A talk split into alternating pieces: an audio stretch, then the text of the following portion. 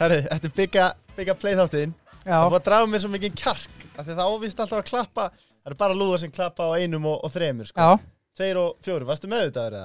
Nei, ég ætla bara að halda áfram í sama gamla Já, trúsleitunum það þýðir ekki neitt sko. En, en að öðru, við erum með rísa þátt í kvöld. Já, Engin annan en Jón Gunnar Geirdal, verður velkomin Takk strákar, kjalla ertu á rekk, lefur það?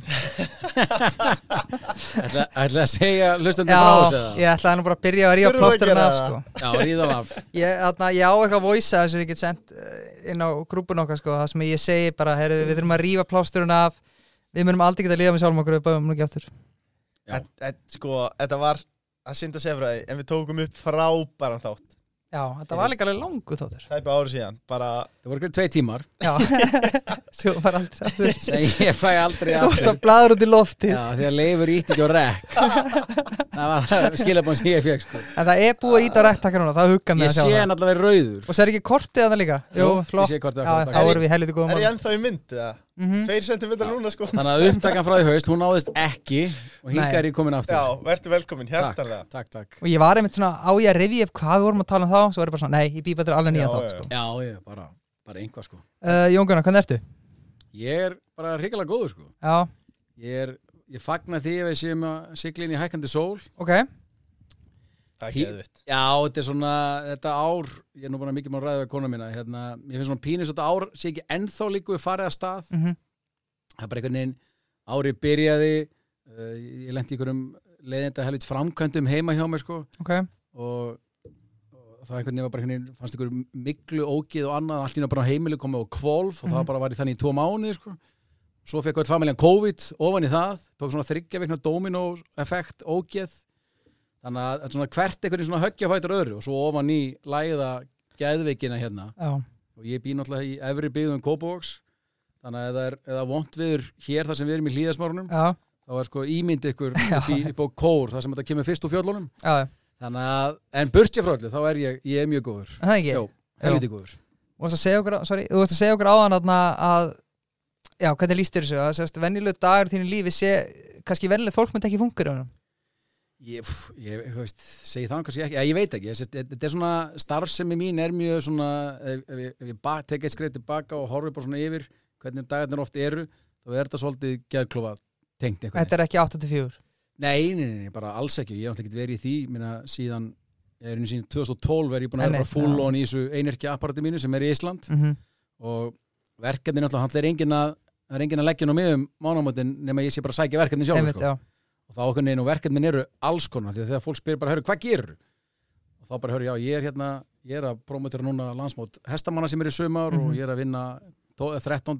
já, held ég 13. ári í röð með Já. ölgerinni í þjóti í Vestmannum ég er að promotera make-up þátt sem kemur í sjónvar símans núna á 50 daginn mm ég er að hérna, skrifa þrjár leiknar sjónvaserjur er að koma úr því sem var Bjössi Stefáns og Glaumberg með stöð 2 -hmm.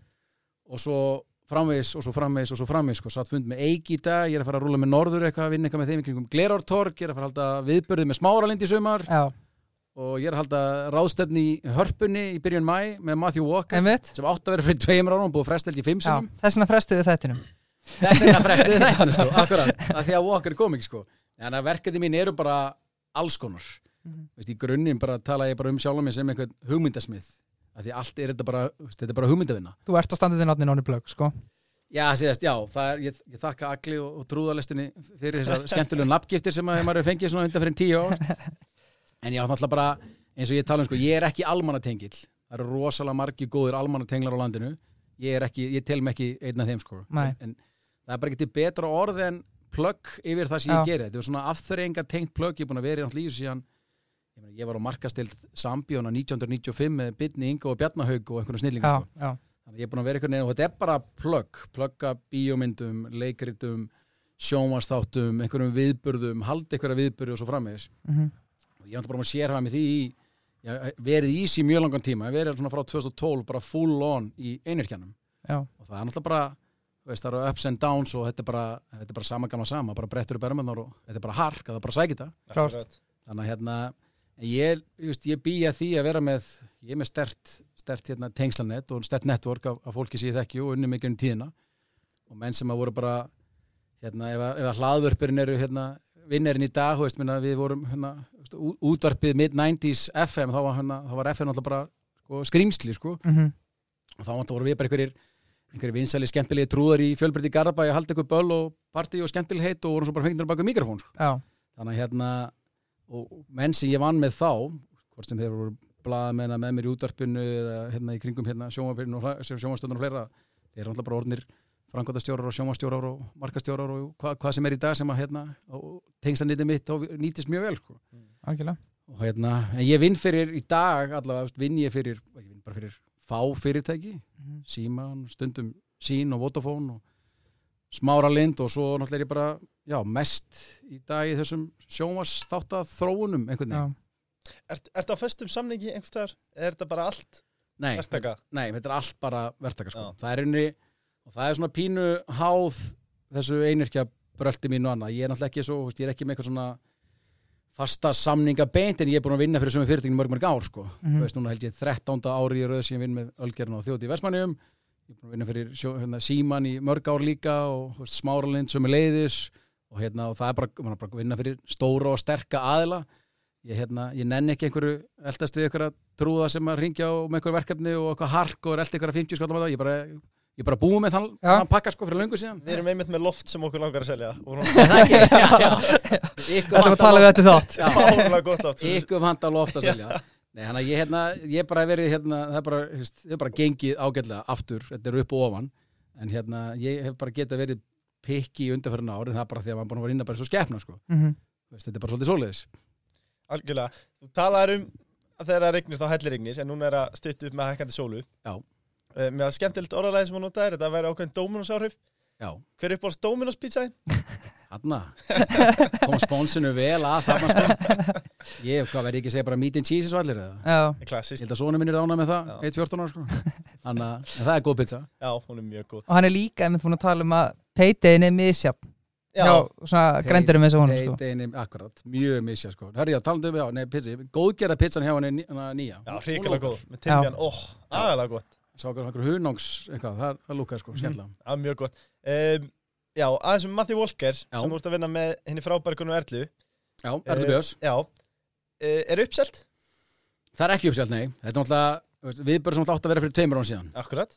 og hérna var bara, var bara til þannig að ég hérna las þessa bók eins og mjög margir þess vegna sofið að Why We Sleep sem að hérna búin og búin í íslenska hérna og ég er bara það manískur einhvern veginn og alltaf einhvern veginn með hérna hausinn í einhverju þeiti vunda að finna einhver tækifæri okkur og hugmyndir og ég er bara að blesa ykkur 30-40 blasir í bókinni og þá var ég komin í sambandi teimið hans úti, hafði sambandi Erlu Björns sem alltaf helsti svepsja frængur landsins og mikil vinkona mín og við erum vinna fólk þau hérna, sérst ég og kona mín og, og þau hjónin.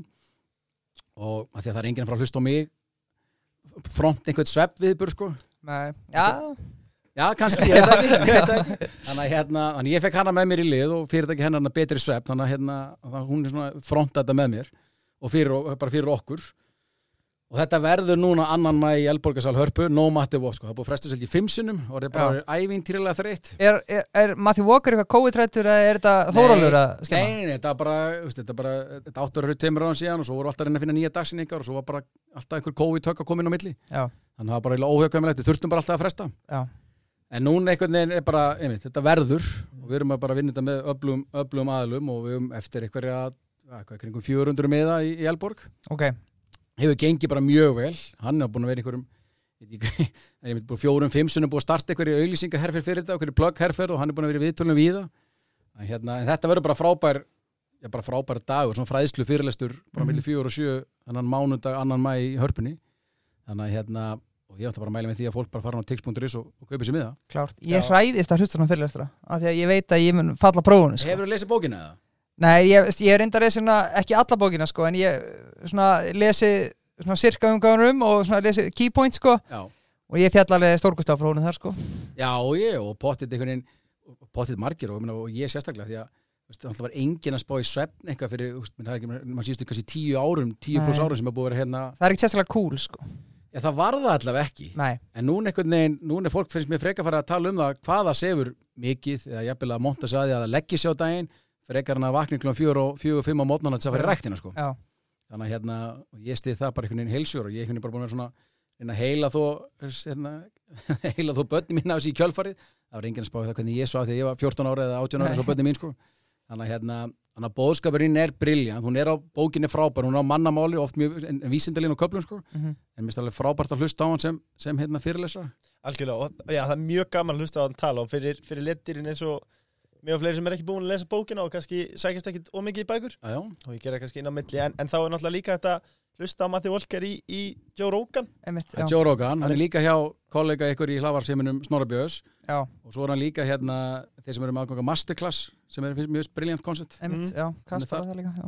Þannig að hérna, já, hann er bara frábór þetta er einhvern veginn mjög veistu, líkt helsta líðheilsu mál landsins að hérna, bara, s- veist, hvað við sofum lítið. Já, er ekki Íslandi eitt af þeim löndum sem að notar hérna, gefur út hvað mest á sveflífum og já, eitthvað og, þunglisliðum og svo framvegis já, og hérna, bara börn og úlingar og eitthvað þannig að en þessi dagur hann annar maður kemur henni inn og mjög mikið af þessu öllu saman þannig að ég bara mæli allir sem er áhuga á svefni sem eru heldur margir. Já. fara, fara inn á tix.is og ég pluggi nú líka, ekki bara Dominos Algjörlega. Uh, Sko, þetta er skemmtileg spurning að því að masterclass, þetta er Já. áhugvært konsept það sem eru bara kenna masterclass í bara eldamennsku eða hverju sem er. Já, já, bara, Eh, fyrir, eh, bara koma, koma fram eða rítvöndar og Já, se segjum að þú ættir að halda bara örsnögalikt við kynningu masterclass fyrir það sem þú gerir, fyrir það sem vilja gera það sem þú gerir. Wow. Plug Plug, já, já, en er að plugga, ég, herri, al- alveg rétt, ég vann nú eitt með einhverja plugg við Steinþór Helga á Rás 2 Já, það er mjög skemmtilegt, þá ættum að plugga ykkur í mínúti en hvað ég geri, í grunninn alltaf er ég bara, allt sem ég geri er bara hugmyndavinna, ég nálgast öll verkefni einhvern veginn eins, alveg saman hvort að sé hér er, hér er bíómynd hér er sjómaseri sem þarf að koma á framfæri hér er viðbörð sem þarf að halda ég sest bara alltaf fyrst niður og bara hver er sagan sem á að segja, sérstaklega eins og pluggi sko. mhm, því ég vil ekki tekið að mig verkefni sem bara það sem að ég ekki náð neinu pluggi út og ég vil sagt að við kuna bara það er bara ekki hægt að plugga þessu sko. Að því að stór fyrirtæki skilja til dæmis þau er mjög erfitt með að skilja það okkur er ekki fjalla oft meira um það í fjölmjölum sko, bara eins og oljufjöla bara okkur er bara að hækka, tala um okkur þegar bensin hækkar eða lækkar. Fyrst er það bara þarf það að segja ykkur að sögu sko. það, fyrir mér náttúrulega þetta er ákveðin luxus heimur fyrir mig í þessu plöggja það, það vilja allir tala við íslenska leikara eða það sem snýra þessum afþrengar heimi þannig að hvað ég geri ég bara, til mig bara, já og, svo bara aftur, bara brettu bermar og hleyp og eins og ég segi við alla það, það að ringi mig eða sendi mér tölupóstekunni og ráða Jóngunar Gertalega í Íslandi vinnu, það er engin ávísun á það að þú fáir eitthvað umfyllun, alls ekki. Nei, ég segi við alla, þú getur fengið, fundið netföng hjá öllum blaðamennum á Íslandi bara inn á heimasíðum miðlana sko. en ég, ég nægi fólk bóðulegin er stittri mhm, fólk, eh, fyrirtæki ráða mig oft í vinnu bara því að þið bara ná ekki í fólk sko. hvort svo stundur bara listamenn eða þetta koma, finnst þeim bara ekki komið svo að. Og miðlarnir líka bara treysta mér. Ég er búin að vinna með hann alltaf bara í mörgum hverjum í veist, 20, næstu bara núna 30 ár. Þannig að bara, þetta bara gagga mig trösti ég veit alveg hv- hvaða þröskuld ég hef þegar kemur að miðlunum. Þannig ég er ekki að reyna að púsi ykkur á þá. Já Eitthvað sem er ekki eftirspunni eftir. Nei, ég veit bara, hörru, það er ekkert í þessu þá er ég ekki að eyða því, púður í það því að það allir bara á floti fjölmjöla er mjög upptekið þannig að það er bara svona gagkvæm virðing á því einhvern veginn og ég, fólk máli segja nei við mig mér er alveg sama, ég er ekki að byggja um að að fá alltaf bara eitthvað já. Þannig að, og þá vil ég frekar mitt fá svarið frekar fá neið heldur en að vera fólk sé að humma með einhvern veginn af sér sko. Mhm, það er bara einhvern veginn meira honest einhvern veginn finnst mér. Og þar er bara samband mitt við fjölmjöla landsinsinn og hefur verið bara mjög lengi, mörg ár. Já, þannig að hérna, þannig að þá reynir ég að púsja það sko. Þetta er ekkit, þetta er ekkit auðvitað að koma þrönga þessu niður í einhvern masterclass sko. Þetta er svo mikil hugmyndaauki og ég var líka bara þetta byrja bara í bara fjölburt í Garðabæ, bara, Já. veist, ég lappa bara þar inn 16 ára bara fyrir 100 ára síðan og ég og Þór Bæring, vinnu minn hérna, útásmaður með meiru komdu með eða ekki? komdu með, Já, og hérna var hann ekki að stoppa, stopna einhverja nýja ferðarskristof eitthvað hann er með eitthvað átján ferðarskastöður eða eitthvað, já Já, já, og hótel í Hafnaverði og svo er hann á K og eitthvað. En hérna, við örgum inn í eitthvað daskra að gera námskeið hjá, hjá Þorstinni Jóð. Og þá var þessari útvarsbakteríu plantað. Og svo fórum við inn í það að halda öll skólabölinni í FG og standa fyrir viðbörnum og við fórum inn í útrás sem var útastuð framhalskólana það er inn á sólina, sömur 93 ég fyrir bandarækinn sem skiptin yfir, kem heim þá er hann byrjar á FM, ég tek eitthvað nokkra vaktur á X-inu. Svo byrja ég á FM og veginn bara, bara mókast einhvern veginn inn í þetta. Mm. og á þessum árum þá voru þetta bara ég og Þór Bæring og Samuel Bjarki og, og Svali og allir þessi gaura bara að gera allt, við bara lifðum útvarp, bara elskuðum þetta sko. Mhm. þannig að hérna þá kunni við bara, hörru, a- na, koma FM Norður, þá bara fórum við það. Veist, haldi ykkur að viðbyrði, þá bara fórum við það. Þannig einhvern veginn bara, þetta er bara pínu svona street smart einhvern veginn, hún lærir þetta ekkert, jú, jú, fullt af frábæru markastengdu námi í dag víða, Mhm. upp á Bifröst, upp í Há, upp í Há og allt það sko, en margt af þess er bara, við lærum þetta bara á hlaupum sko. Já. og hérna, Learn by doing dóldi já bara svakalega sko. Mhm. svo einhvern veginn, ég fannst að, þú veist mér fannst alveg leiðalega vel bak við mikrofónin og alveg fannst alveg gaman í útsettingu og allt það en mér finnst veginn miklu skemmtilega að vera bak við tjöldin og, veist, pródusera ykkur viðburði, vera vesenast í þessu ringi fólk, redda, græja, gera og allt það sko. Já, þannig að hérna, mér finnst það alltaf svona vera miklu skemmtilega heldur en að vera í sjálfur útsendingun sko. Mm, tal, talandi um að vera bak við tjöldin Loopmen, Jalapeni og Lime um, Þeir vilja meina þú sett frasakongur Íslands. Já, uh, og þeir vilja, vilja einfallega vita hver eru þínir uppáhaldsfrasar til að byrja með. Ég myndi nú seint kalla mig eitthvað, eitthvað, eitthvað frasakong, það kom, kom hérna. Loopmen eru harðir í því. Þeir eru sko. harðir því, já, já, já, það, er bara, það er bara frábært sko, ég þarf bara að reyna að standa undir því. Hver eru uppáhaldsfrastarinn mínu, svona á þessu frasabulli gerum tíðina? Það var náttúrulega, frægastur er náttúrulega bara, frægasta stöf er náttúrulega bara þetta dót sem var í vöktunum. Mhm. já, Sætla minninga, það er hérna, það heitir þetta í kredit, kredit hérna, listanum frasa fræðsla. Það var einmitt hérna, hérna og minna já, sætli og fínt, þannig að bara lang skemmtilegast að þessu. fínt. Já, ég minna haf- að því að mig minnir það allavega og Pálmi Guðmunds og fleiri snillíkar hérna getur nú bara leirið mig að ég er að eitthvað. Mér minnir bara að vaktina fóru ekkert rosalega vel á stað, minnir mig, fyrstu tvei þættin á stöðu 2. ok. Ég held að, var, var, ég held að ekki verið fyrir þætti þrjú þegar Óla og Ragnar er aðna á verstæðinu og, er að, og byrjar að dansa, já, sæl, já, hana. og eftir það náttúrulega bara the rest is history sko. Og bara með stórkostleta sjónvarsveitni sem hefur verið framleitt. Þannig að hérna en ég man bara þegar að þegar hérna Pétur Jóhann Olgás mig og okkar, okkar forsaga er bara er, er gömul og góð. Mm. hann var alltaf bara einhver fyndin gæ, gæ í Bíkó og FG þegar ég kynnist honum sko. Og hérna og svo alltaf verður hann að finnast þeim að Íslands hvað 99 og aftur the rest is, is history sko.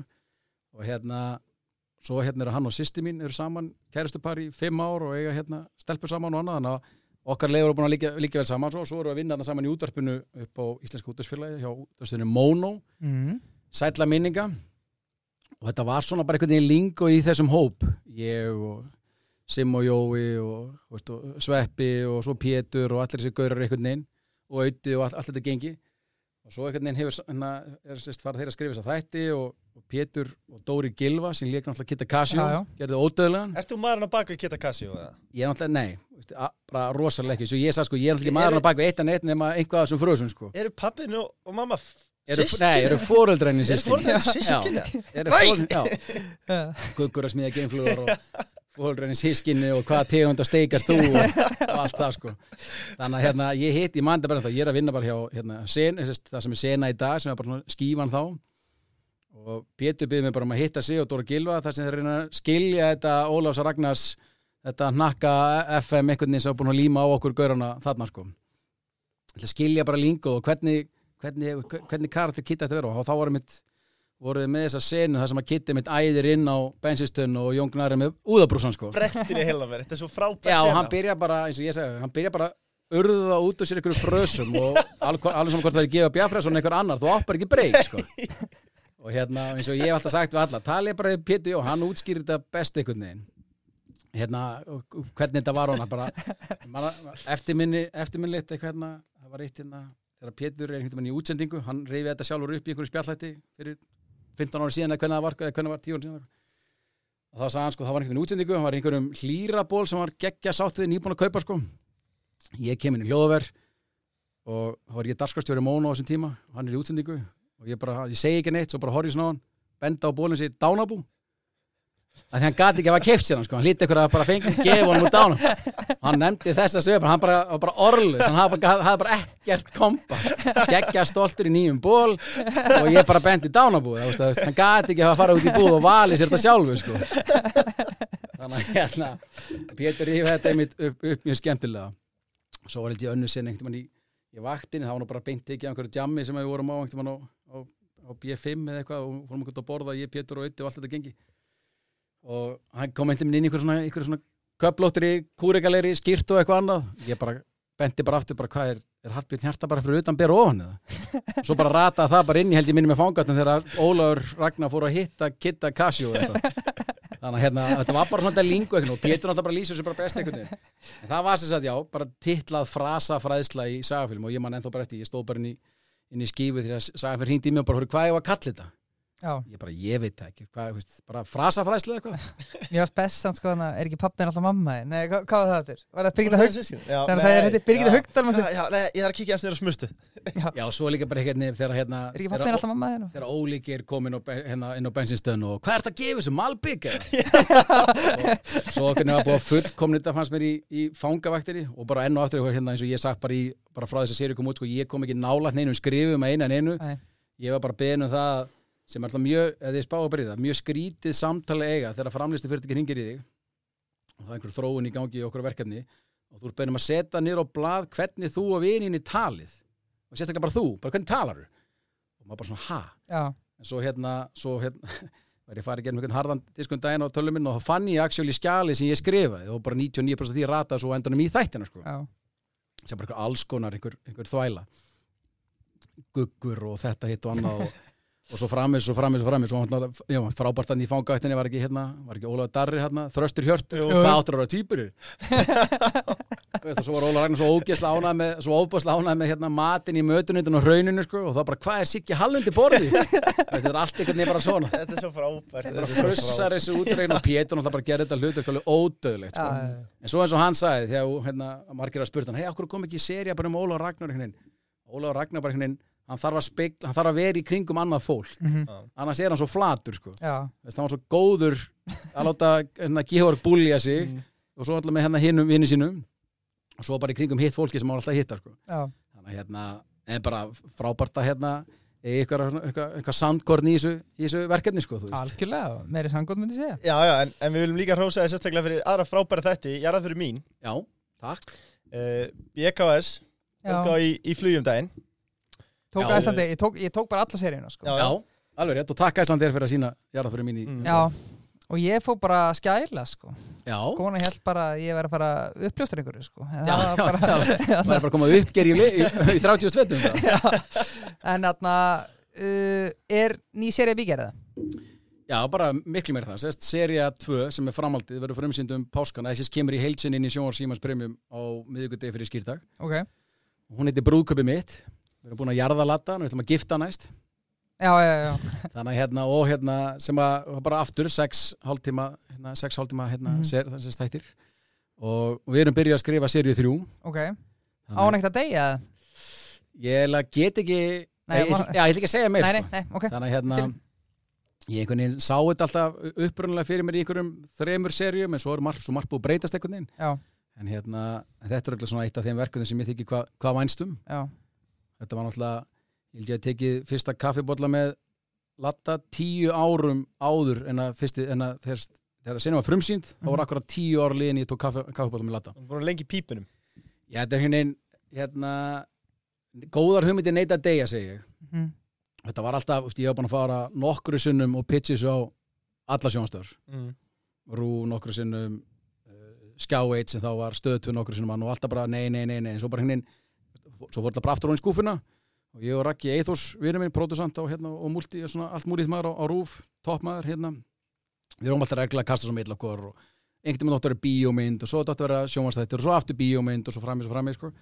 og svo okkur bara að neyta þetta að deyja, bara hörðu, þetta var alltaf veginn aftur. Stórveldi ætlaði nú að framleita með mér 2012, einmitt þá með Dignusi og mhm, og Hugi, Halldórs og Sim og Jóa þeir allir og þá meitt fekk ég hérna frábæra hérna sinjun frá kveikmyndasjóði hérna, fyrir hérna, handra styrk og öru já það blaði einhvers staðar ennþá, þykir mér væntu það líka. Mhm, og hérna, en svo þegar að þessa veitur allar fara stað þá svona, þá svona kviknaði ljós hjá mér. Og ég fór að hitti Pálma Guðmunds við minn hérna, við tökum svona tvissar ári einhver svona luncha eða kaffibóta spjall þar sem við svona slúðurum um bransan 97% og ræðum svo kannski business í þrjú. Já, og þegar ég skildi betur bara hvernig efni hann væri að leita að fyrir viðskiptvinni sína og viðskiptvinni símans þá svona hörðu ok, ég ætla að taka, ég ætla að dusta ríkja þessu í síðsinn, ég ætla að mhm. taka eitt, eitt, eitt, eitt ránd í viðbót. Og ég fekk bara hönnuð vinn minn. Breyttur eitthvað?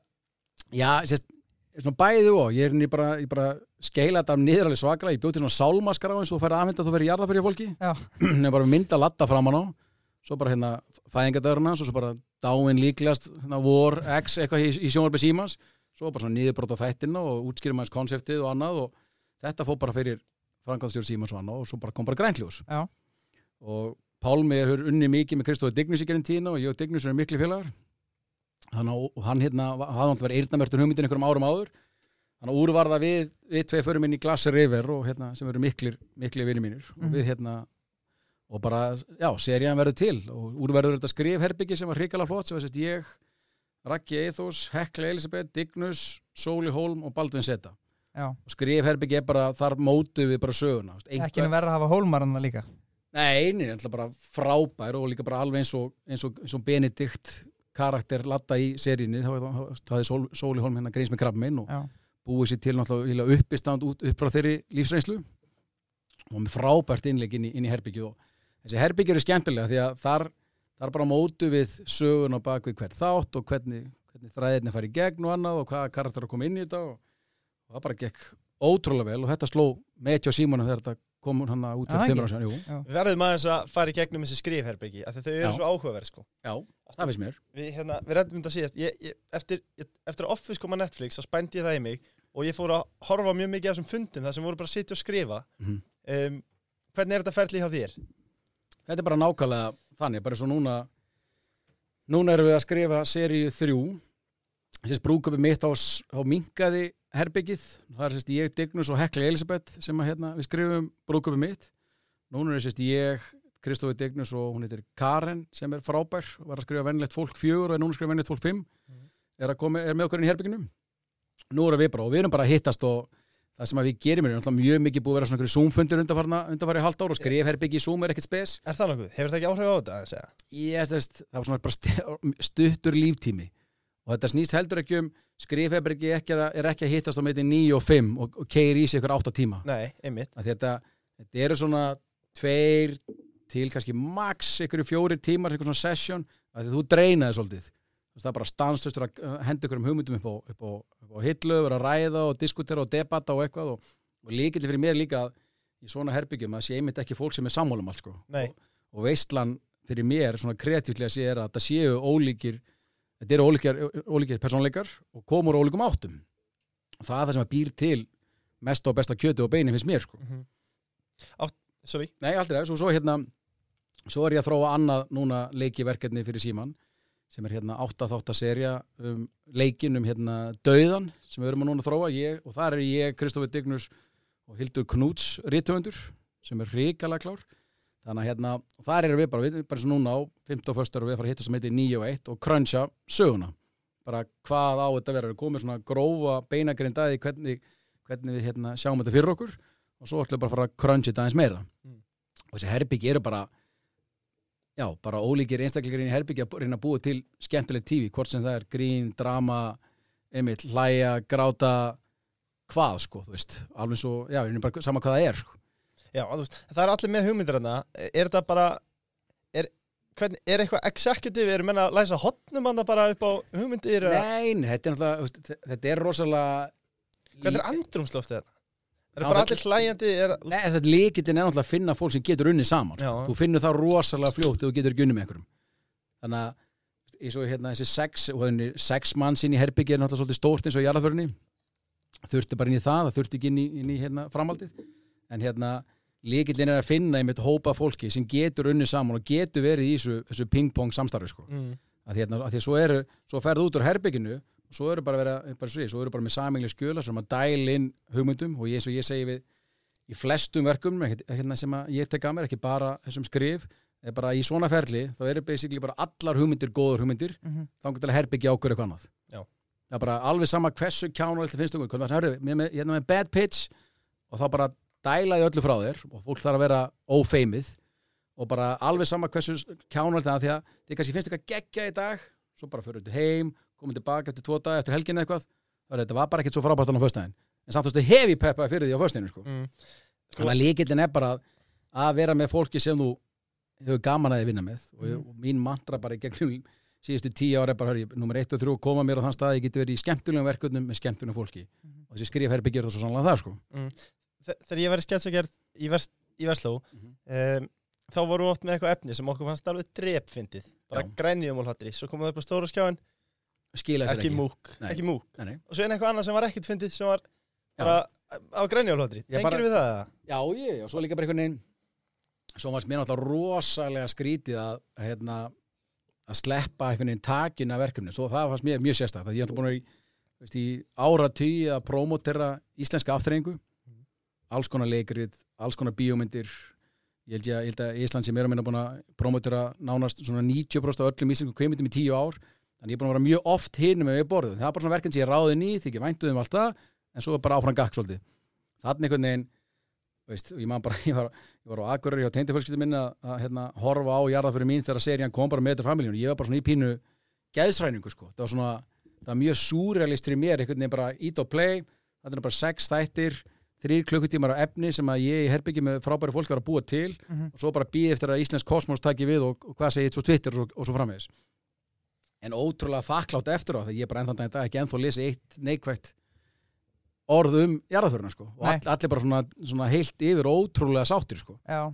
Og bara sáttir við tilfinningunni í þessu og, og eins og mynd þegar, þegar að hugmyndin fættist þá vildi ég alltaf bara hugmyndin fættist latti því ég einhvern veginn ég elska þegar gamanleikarar fari yfir í drama Robin Williams, Jim Carrey, fullt af þessum gaurum sko. Will Ferrell með þessi, Adam Sandler með þessi að góður í því sko. Að hérna, mér finnst bara latti einhvern veginn tala nú ekki um að það, minna síðust helgi var hann með 75 ára síningunni sinna og mókseldi nokkrar og er náttúrulega bara algjör góðsögn í lífandi lífi.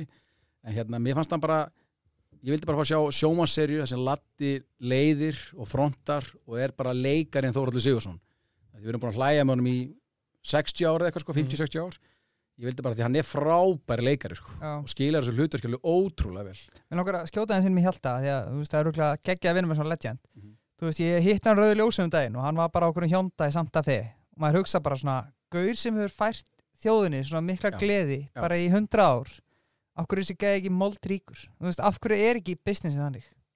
Já, Al al algjörlega. Minnum mér af hverju er ekki er ekki svona menn á hérna, rífandi háum listamannalögum eða heiðusmannalögum eða hvað þetta allt sem hann heitir sko, veist, það, það, það er náttúrulega heiðusmannalögin en minna, ef einhver ætti að vera Guðmund Almáttu þá ætti að vera Þóraldur Sigursson meina, hva, hvað er maðurinn búin að færa þjóðinu á síðustu 50 pluss árun sko? Guð minn góður, karakterarnir og annað og það ótrúlegu sko. og, og, og dásamlegur að vinna með sko. því líkur fagmaður og bara allir á settinu og dignum sem hann allir bara, bara sé, hann er ótrúlegu sko. Ég held reyndan hafi verið uppsker ágætlega fyrir þessar lattasýningar sko. Já, já, já, það er svona few and far between samt svolítið, Já. sko. Já, það- er Latti 60 ára og Latti hérna 70 og eitthvað sko. Já, en þetta er alltaf bara kannski ein útbókun og tíra fresti eða skil, nei, en þarna reyndar einhver segja að Latti er búin að 60.100 sinum sko. En þarna Páll sko búin að vera 50 í 2 ára Já, já, algjörlega. Þetta er, sé, þetta er búin að hérna alveg rosalega skemmtilegt verkefni. Og gaman líka bara að sjá að það heldur áfram og það, þetta samstarf mitt og mitt á Dignusor og fleiri við, við Glasser River og þeir hafa verið svona go-to framlistu fyrirtæki mitt í þessum verkefni sem ég hef verið í sko. Mhm. þannig að hérna vorum að gera hann að glömbæ með því með, með Björsa Stefáns og erum að, að jarða fyrir henni og, og brúðköpið og erum að þróa serið þrjú og erum svo að að þróa, svo, svo, þróa svo annað og meira sem að ég þarf að ræða bara viku því ég kem í næsta spjall sko. Já, ef þetta tekst ekki upp við sýnist þú ekki að Viktor Nei, þarna Þú er að hætta að stríða mér sko. Já, Alveg að fara þetta Þetta ána með að þið er stressan að ég fyrir þetta Ég Já. það sko. Að því vestafall eftir bara að blara við okkur, skilur Ég ekki, sko. já, já, sem er bara gaman. Já, þarna, mér langar, eða okkur langar aðeins að ræða uh, viðskilnaðinin við Lemon. Já, Var hann blóður? e, já, hann var það. Já, Er inni, mér þykir ótrúlega væntu lemon bara Mhm. frábært vörumerki. Ég tek ofan fyrir hérna, því hvert það er komið í dag það er kraftaverk. Það er, bókstæla kraftverk að lemon sé komið á þann stað sem það er í dag komið inn í haga er að fara að opna í nokkrum haggursveislunum og opna út um allt og bara, bara stórkostlegt verk sem búið að vinna, vinna þar sem þetta færi svona þrjú, fjú, eða svona fjúur ár finnst þér að vaksið eftir? Já, já, já, bara ekki bara vaksi, það er bara kraftaverk að lemon sé til í dag með þetta, hvað þetta stóð sko. Ok, að þetta hjekk bara á bláþaræðu og ég kem náttúrulega inn í þetta hérna þetta opnar 2013 minni mig. Mhm. og ég veginn ég var aldrei á leiðin inn í einhvern veitingabransa sko. Aftur bara, nálgast ég bara verkefni með veginn hérna, heillar af þessum þessum Joe and the Juice stöðum og Pretty í London og Jamba Juice og hvað allt sem hann heitir sko, það er endalust að núti heimi. Og hérna og þáverandi viðskiptafélagi minn og þáverandi vinnu minn hérna var með samskona pælingar og úrvarð lemon sko.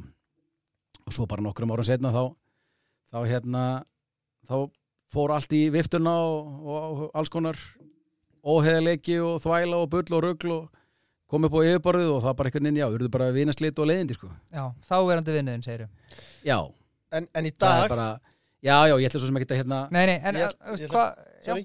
já, ok, þú veist, bara Það er ekki að fara í, út í saumar og öllu þessu dæmi en þetta þú er svona veist, stærsti skóli lífsmins allavega í þessu sko. Bara fyrstulega bara fa- út út í hvað verkefni maður fer í með, með hvaða fólki og ég bara Voruð þið vinnir áður en það já, ég bara vinnur í 20 ár sko. Ok. alveg bara hérna og hérna. En veist, ég hef búin að fá fullt veist, ég er bara sjálfur mér kemti því bara svona einhvern batna já, svona svolítið næv batnaðilegt að mér einhvern veginn að hlusta ekki á þær viðvaran sem ég fekk áður en ég fór í viðskipti hérna, með þessum einstaklingi sko. Ok, þær kom úr mjög mörgum áttum. Já. þannig hérna og þá var heldur og allir sögðu bara var ekki spurningum hvort heldur bara hvenær þetta færi í viftuna sko en af hverju ákverju samt, semst, var ekki þá bara option að gera þetta bara sjálfur? Þú, veist, þú vildi fá að með þér í ég, minna, veist, ég er náttúrulega bara veist, ég er engin kokkur alveg svo með alveg svo þegar Blackbox verður til og hérna, og það hérna aftur frábært hérna verkefni sko. Það er bara Viggo Bakari kemur inn með það og veist, ég sé bara fyrir mér einhvern heim sem fólk á að lappa inn í. Mhm. þú veist, eitthvað vörumerki, eitthvað, einhverja, einhverja takta, einhverja stæla, einhverja signature hluti sem er verið á staðinum og annan til að skapa eitthvað svona upplifun. Þú veist, ég einhvern veginn, ég veit bara hvað er gott í bítið sko. Ég, Já. ég er frábær kokkar heimi á mér. Já, ég er að fara að þróa okkar hugmyndir einhverjum samlókum eða djúsum eða pizzum eða þessu eða hinu sko. Ég get alveg hafa skoðun á því eða settur frá mig mhm. og ég get kannski alveg búið ykkur í fínt grill í sömar og gera góðan geggjan burger. Já, verið klárur. Já, takk. Þannig að hérna en að öðrum kosti þá þurfti ég bara, þarna þurfti ég bara með mér í þetta og við bara fórum í þetta og alveg svo þegar það kom að að búið til Blackbox það var bara hugmynd sem ég að vera með í mörg ár og, og hérna nálgæðist og Viggo Bakari kom með mér í það og Jóhann Friðrik vinnur okkar og, úr var Blackbox sko. Mhm. Þú veist, ég hef aldrei gert, Lemon hef aldrei verið til ef ég hef bara gert það sko. En- sama með Blackbox sko. En hvað, ok, við förum aftur í The Beef. Þarna Nei, þarna, þú veist, þú segir þetta líklega bara eitthvað besti skóli sem þú verið í. Þú veist, varand, er þetta þá bara trist ekki öllum eða þú veist, er þetta meira bara einhver, einhver mistök sem þú gerðir eða? Bara bit of everything svolítið sko, Mhm. bara svona blanda, fyrstulega bara hlusta á fólk sem treystir. Ef að það er að hérna, veita þér ráð það með hvað fólki átt að fara í eitthvað ferralag og já og svo bara einhvern veginn já ég bara, ég bara treyst á mikið einhvern veginn held ég bara, ég var bara ekki með nógu mikið með tök á sem ég er bara þann hlut sem ég átti í þessu og annað og, og ekkert bara ég, það voru fleiri eigundur á nynni Mhm. þau sem eiga lemon í dag hérna, er hérna, rekst, hún var búin að rekstrastjóra með okkur frá upphafi Já, og það voru öflugir ráðgjafar í kringum fyrirtæki sem að hérna, það var ekkert bara, bara ríkjum og mér, það var bara í öllum sko. mhm. þannig að það var svona röða fólki sem var bara hérna sem bara plata sko, tölum bara íslensku. Já Og, og hvað, veist í- svo bara kemur alls konar í ljós sem bara verður til þess að hérna, að, hérna, að upp úr öllu slitnar einhvern veginn og, og fyrirtæki bara þurfti að róa lífróðu til þess að hérna, bara lifa af. Já, og fekk svona stóran part af hlut tilbaka sem hann tókst að selja og fá nýja hlutafinn mhm.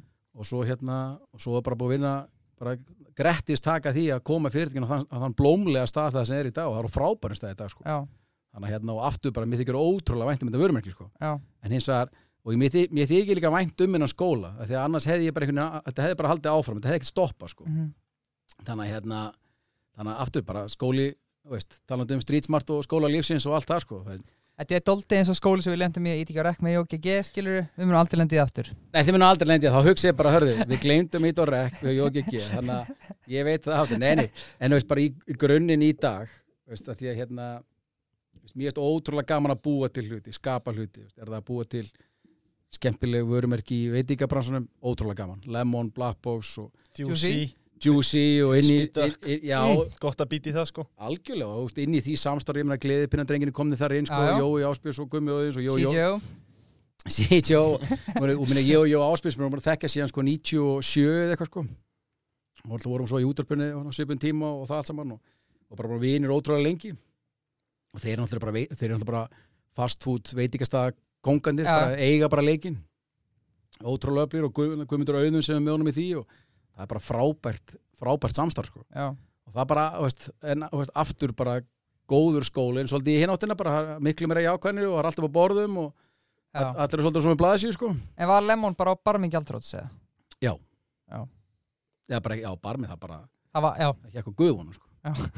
Þannig að- Ok, en bara aftur, bara ég tek ofan og það er frábært að sjá hvað, hérna, hvað er búið að takast að gera þessi, hérna, og að því að minna Fía sem er hann inni í frangvæðstjóri, hún er búin að vera hann frá fyrsta degi og var með okkur allan tíma sko í gegnum þetta. Mhm.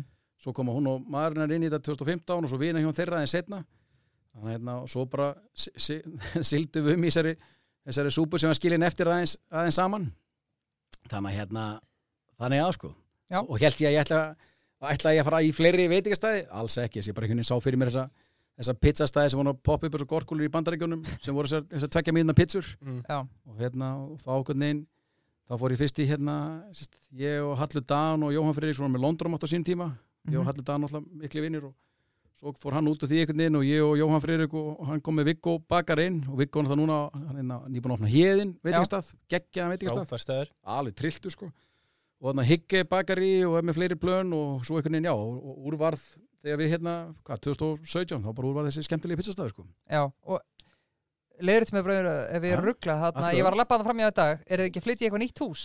Jú, við fluttum núna í byrjun, hvað fyrir mánuði síðan, þá fluttum við hérna, er inni, að því að krónan er að koma inn í Borgatún 26, þar sem að vínbúðin var, fylgifiskar og blackbox. Þannig að við fórum og krambúðin er farin og við erum komin í það rými. Og það er núna bara blackbox og juicy og flottur svona 30-40 manna salu fyrir innan líka og, og bara, fer bara ótrúlega vel að stað, skemmtilegt. Jú, jú, Borgatún er líka lifna við eftir þessa COVID-þælu og já, alltaf bara 70-80% eða meira af Borgatún er bara búið að í ykkur fjárvinn í tvö ár. já Er þetta ekki samt dýrast að lega, landsins bara? Nei, nei, við erum alltaf bara í, í rosalega góðum fíling með, með eig sem á húsið og Já. þeir eru þakklátti fyrir þeir eru með blackbox í húsinu og voru mjö, okkur mjög þakkláttir að vilja að færa okkur af því það var ekkert gefið heldur fylgjum við skal loka upp bara og eru bara með vestlunum sínum nýbulvegi og voru bara hérna, já, bara, veist, við erum bara í góðu samstarið þarna sko þannig að, þannig að það er skemmtilegt Hver er upp á samlokaðin á Juicy? Fyndi, ég var það í dag sko, ég fyrir hérna crispy chicken. Ég er, ég er rosa túnagæði sko, spicy túna Já, en mér finnst þess að crispy duck lokan, hún er rosalega vel hefnið Ég er mjög góð það er bara sem að Viggo partnerinn minn er. Hann er fáránlega góðu þarna. Hann er bara störlaði fagmaður. Þú veist, konditori, bakari var í kokkalandsliði í 12 ár. Þar af hann að framkvæmdastjóri í 2 ár. Þá var hann basically að bara þannig að skiljið konceptið þá var hann að öskra á bestu kokka og bakara landsins hvort það sé nóg, er þetta í alveg það besta sem hann gerir sko? getum orðað þannig að ég var ekki að keppa á hann Nei, og ekki ég bytti fyrir sko. Hann er rosalegur hérna fagmaður og bara þessi brauð og útfæstur og annað, þetta er bara, þetta er allt hann sko. Svo set ég þetta bara í ykkur umbúður og Já, líti líka álvarík og plöggar og, og, segja fólki bara sé frábær hugmynd að koma í borgutun og fá geggjaða pizza og geggjaða djús og sálangur sko. Ert, þarna Ég held ég, held ég að rætti þetta senast Já. uh, ég, ég veit ekki, við tókum ekki upp. Þarna Matöll var svo bara planta beint fyrir framann ykkur. Já, Gott eða meina bara frábært fyrir hverfið, við fundum alveg fyrir því í veist, það, er, það er nýja brum á öllu. Það var nýja brum á þessu þegar Blackbox opnaði og alveg þegar Lemon opnaði á sín tíma. Íslendingar eru förðulega spenti fyrir því að smakka nýja, nýja hérna, ve- þessi prófan í veitingstæði En svo er þetta bara að enda þannig að þessi bara matöll bara hver íbúðgötu sko. Ég, það er nú fleira, fleira að fara að opna, hann er að fara að opna hérna vini mínir, Svensembra er að fara að opna og, hérna, og Velding og Kó að fara að opna allar ótrúlega spennandi hérna, matallanir í miðborg, pósthúsið. Það verður ekki til betri stafsynning allavega, nei. Ég meina svo ertu með upp á höfða og granda og hlemmur og ég finnst ennþá hlemmur einhvern veginn best hefnu, það svo mikil romantik í húsinu sko, Já, samanlega og hérna, svo alltaf fór ég hérna, hérna það frábær matallan í Selfossi og hveragerð er brjálaslega vel hefnan í gróðrúsinu, talandi um vel hefnu koncept Reyndarleifur sko, ég myndi ekki bara á neinu stað á Selfossi nema Kaffi Krús Nei, ei, bara- frábær staður sko. Ég myndi ekki Sko, snert það þessa staðan. matöll Nei, nei hann, ef ég ekki tóma rétt, það var nokkur nokkar staði þar lendar Já, ég meina auðvitað, auðvitað, auðvitað hérna, hvort sem það er Blackbox auðvitað fann hverfi allt fyrir því að væri komin bara ykkur, þú veist, Já. 6, 7, 9 veitingastæðarinn inn, sko. Mhm. En frábær valkostu fyrir fólk í borgatúninu. Já, ég láttu mig það ekki þú veist, meina, þú ert þarna, Já, já, veist, þú hérna, þú er ekki svona Ég glæ, sé líka- glæsilegur í jakkanum hérna, þú verður tróði pizzu með söpbi alla daga, sko. það er máli og ég líka set, veist, setur meiri pressu á kokkin í möturöndinu sko þegar maður er með þetta til hliðar sko Það er bara þannig sko já, ég meina, ég, ég- ég er tíður gestur þar líka, bara elska að fara á hipstur og fá með fisk og, og fleiri koncept sem eru mjög skemmtilega, júsu og fleira, sko. Þannig að fundið fyrir, við fundið fyrir mun þetta nær, er það ná einhverju jafnvægi? Ég held að sjáum það bara nú næstu mánu þegar borgutunum verður svona aftur eðlilegt Mm. á næstu vikum. Svona ára við siglum minni sumufrí. Herri Leifur, getur þið aðeins tala núna um Jordan Já, Belfort? takk, ég var að býða eftir Já, vá, hreyfismenn. við rættum þeim í síðast maður. Já, það var áhugavert verkefni. Þannig að það Já. ekki senast að þátt. Nei, það var mjög áhugavert verkefni. Og hérna talandi um að var- það er eina verkefnið það sést ég tekið stærsta högg tap á. Það er Belfort. Að ég einhvern veginn og fyndi einhvern veginn hvernig maður svona veður einhvern veginn áfram sko. Er þú, sorry, sorry ég gripið fram fyrir þér. Já. Við vorum með heiða Guðan senast þetta Mhm. Og hann talaði um að versta fjárfæstingar sem var námugröftur í Afríku. Námugröftur þinn í Afríku, það er Jónan Perford. Basically já. Það ég væri Hljómar er nefnilega ekki ja, veist, Nei, það væri Ætti að það væri, skemmtilegt að þú veist, væri, neymitt, námugröftur í Afríku eða gull, í, á Grænlandi eða eitthvað staðar eða, eða ólí á drekasvæðinu eða eitthvað. Það mér finnst þetta heila bara ennþá sko. Já, en að flytja inn eitthvað, eitthvað hérna, fíkni hérna neytanda sem að sigraði Wall Street mjög óheðilega eða ekki. En ég minna, þar bara, veist, ég fór bara frábæra bíómynd sem er náttúrulega episk og ég er búin að svona nokkur sinnum. Sem að vakti bílað umtal. Ég er bara bilað umdál og næst í 40 mann sá í bíó og bara frábær. En svo einhvern veginn hérna, fannst mér bara, hörðu, gaurin bara að því að það sem hann var að presita var bara sölumennska það er ekki svona að koma hérna og kenna öllum að stela. Mhm. en það einhvern veginn varð umræðan. Allt í nú var ég, var ég óspurning fréttu farin að svara einhverjum einhverjum prestum og einhverju fólki sem mætti bara í bylginni einhver við til að tala um það að þessi gæja var að mæta og held bara að verðum að fara sko lóðbeint í hrunið aftur bara því að Belfort var að fara að lenda sko. Já. Ég held það Já, akkur, þú hérst það líka sko. þannig að hérna, en þú veist, viðbörun sjálfur var alveg skemmtilegur og það var mjög gaman ég minna, og ég á frábæra sögura, ég ég fór bara ég flög í þyrlu með honum og hann lendi veist, hann tók yfir af flugmannunum og hann lendi og inn upp á eigafalli Eins og við senun í myndinni það, Já, það var þetta aðeins mýgri lending sem betur fer fyrir mig og hann var það etru þarna hann var ekki út úr kveil, út af sko. þannig að hérna en aftur, þetta var bara svolítið, svolítið skóli. Þetta var bara stórt og mikið og dýrt og en mér, það sem ég gaman að ég ræða við hann og hann var mjög áhugaður, hann var á köplum bara pínu svona svo teiknumyndafíkur sko. Mhm. hann, hann sagði mér til mig, það var svolítið gott hérna. Hann sagði sérst að lifnarinn hans var bara hálf miljón dollara bara um leið og fyrsta mínúta á fyrsta degi mánarins er búinn. Bara 500.000 dólarar, takk bara, bara Já. 60M shit. Bara veist, það er ekki til fyrir því það er bara lifnaður, bara basics ímyndi ykkur og mér er svo áhugavert þegar hann kom inn og maður spjalla mikið saman. Og þetta er mjög áhugaverðu karakter og hvað hann er búin að gangi í gegnum. En hann bara, hann skildi ekki Ísland. Það bara registeraði ekki hjá honum smæðin. Nei, hann bara býtu til 350.000 hann spurði mig margótt út í þetta. Ertu að trolla mig? En hann bara, býtu, er ekki allir bara að gera eitthvað á netinu? Hvernig getið þið verið að selja menn, þetta, er bara einhver, þetta er bara lítið hverfi í New York. Hvernig getið þið búið til businessina sko? hann, bara, hann bara fatta ekki. En svo fór hann að heyra, já, ól, já við erum að líta ólíu og þá svona fór- komið dólarmerkin í augun á hann sko. en hann bara, hann tengdi einhvern veginn ekki hér bara allir á Íslandi sem væri í einhverju rekstri væri bara netverslanir að selja út í heim Já. bara því að mengi hérna væri svo rosalega lítið En hvernig er það, við langar að tala meira um djótana eftir. Atna, En hvernig er það samt, að því þú segir þetta þú hefur tekið á þetta tap Mm. Hvernig virka það sko Þú ert bara plöggari og þú náttúrulega bara færði eitthvað líklega, þú veist bara eitthvað x verð fyrir að fá hann inga til landsins Já. Og þú bara selur eitthvað miða og þetta er bara starfhættið sem gengur upp eða ekki Akkurat. hvernig getur þú tapað á því? Eða þú þá- hefur það ekki bara cancelað þessu eða, Ég, það var bara komið point of no return sko. þá þurfti bara að taka það á kassan og halda þetta og taka, bara, taka höggið. Ok, það var bara ekki hægt að kansera með hvert það var komið sko. ég er gladur gert það, bitur fyrir þér og það er gott að vera vitur eftir á Já. og aftur skóli. Þetta er líka bara einhvern veginn hérna, já, bara við og með þetta áðurnum með tíma, þetta er alltaf bara það, menn öll miðasala er það, alveg nánast sko, fyrir utan kannski þegar Ísi vinni minni senur lægkjöf með Ed Sheeran og veipar hann selur 10.000 miða eða bíberinn eða hvað, sem er samt í rauninni gali miða við aftur, smæðin okkar en þarna trillust við, Viltu segja okkur hvað Tjörn Bæfald vildi fá í pening fyrir að koma ekki til Íslands? hann vildi fá Já, hvað fekk hann? 10-12 miljonar 12 miljonar held ég. 12 miljonir? Ekki einu sinni pinna að segja ketti sko. Það er ekki það Nei, fyrir, það er ekki neitt, það er bara, bara byttu fyrir með það sem hann þarf að rúla, sko.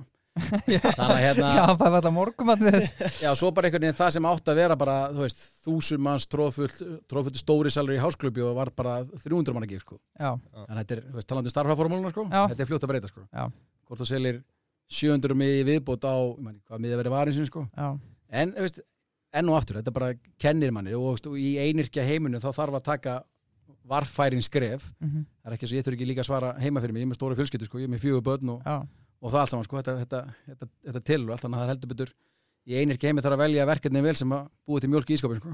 algjörlega, mjólk í skopin mjólk í ískapin hérna, en, en, en, en aftur því lítið baka skemmtilegt verkefni he- hefði ég verið til að ta, sko, losna við höggið? Absolutt sko. Hvernig var hann í persónu? Hann var mjög skemmtilegur sko, ríkala skemmtilegur. Og hérna fannst var hillar af Íslandi og allt það sko. Svo bara einhvern veginn, já, þannig að þetta var alveg upplöfunin af, af þessu var skemmtileg þó að, þó, þó, þó að ég hef tekið eitthvað tap á mig sko. Mhm. þannig að hérna og hann, þú veist, ég ætla ekki að segja að hann hafi verið eins og í myndinni hann, alltaf- hann er edru í dag, hann var þarna þegar hann kom ínga en ég, ég skinjaði hvað það stutt í púkan sko. Já. já, veist, ég, veist, ég fann það alveg veist, hvað, hérna, hvað það hefur verið heldur skemmtlegt já, og ég fann svona pínu söknuð í honum sko. Þannig að það var gaman og hann vildi meina það að sögurnar í myndinu og sérstaklega eins og þegar fórum til Vegas og, og hvað var ekki, bachelorpartí hans Já. það var stekkjaður, Já. hann vildi meina að það hefur verið þú veist, það, draga úr því já, ég, ég bara, hann sagði að myndin væri bara brotabrót sko. hann sagði bara þetta, heldur hann hafur hugsað einn sem var í bachelorpartíð með einhverju er já, á Íslandi sem er bara naflakuski alheiminum en hann vildi meina bara þetta djaman í Vegas, þá hefði bara verið þetta hefði bara verið hálf, þetta var bara orðilega ívúl, þetta var svo, þetta var svo, þetta var bara svona rómvesk rómveski keisara sko. en það var minna, og myndi var nú feikin og sko. Já, já, já. mjög skemmtilegt. Uh, Kemi menn, já, við erum elska góðan glussa. Uh, Herman Guðmundsson er minn. Já, Já, miðjumæður og hafnahörði tunga hálsinn uh, Getur kíkt þeirra, nýra afgemir. Talaðu um að Latti er alltaf 60, hann var 60 um daginn sko. já, toppmaður. Já, já. Uh, En talandi um góðan glussa. Mm. Mentun verður að tella sem glussi alveg eins og Mhm. allt þarna Mhm. Ég og Herman spilum fótbolta saman í utandetinni, FC Puma, sætla minninga. Ok, Hvernig varst í sokkar? ég er fítn í bolta sko. Fer, fer, lengar, fer langt á frekjunu sko. Já, ég hef áttið persónleika röskuna stríðið áttið fótbolta eða geðróf, ég veit það fyrir eftir hvað Já. að kalla það. Ég geti spurt einhvern maður Rikka og okkar fleiri út í það. Ok. En hérna, en ég fór langt á frekjunni, mjög langt. Já. leiðilt að vera á móti mér, fínt að hafa með mig í liði sko. Ok, ég hérna af, af fræknum sigurum, ég er ekki eins og Mike að revja upp þegar ég sett hann í vinkilinn á mölinni 92 eins og hann það væri sko. samt gaman að fá einu sinni enn þá sögu á mækaranum Já, það er svo langt ég hirt hana sko. Ég hlakka til þegar einhver réttur honum síma og tenni næst einhvern veginn. Sér skemmtileg saga og toppmaður. En ég hérna, ég var Íslands og byggameistari 93 og hljómar alveg eins og Já, mækaranum nú er ég með Mike sögu. Af Þegar ég og Mike rifum þetta reglulega upp sko. Því hún finnst það mjög merkilegt þá var hann að keppa mót okkur. Þá var ég í fram, ég veit ekki af hverju ég fór í þrjú lið í öðrum flokki. Já. Háka á stjörnuna og svo fram á eldstárunu að hérna, við verðum Íslands og byggameistarar Ok, Helga sig upp á topp, Rúna Pál Sigmunds á miðinni já. Gummi Kalli á miðinni, ég var í hægri bak. Og þetta var legendary lið sko. Ok. Þorvaldur, hann er på topp líka. Geggja lið sko. Ert þú ekki maður sem byrjaði með wingback? Jú, potið, coast to coast.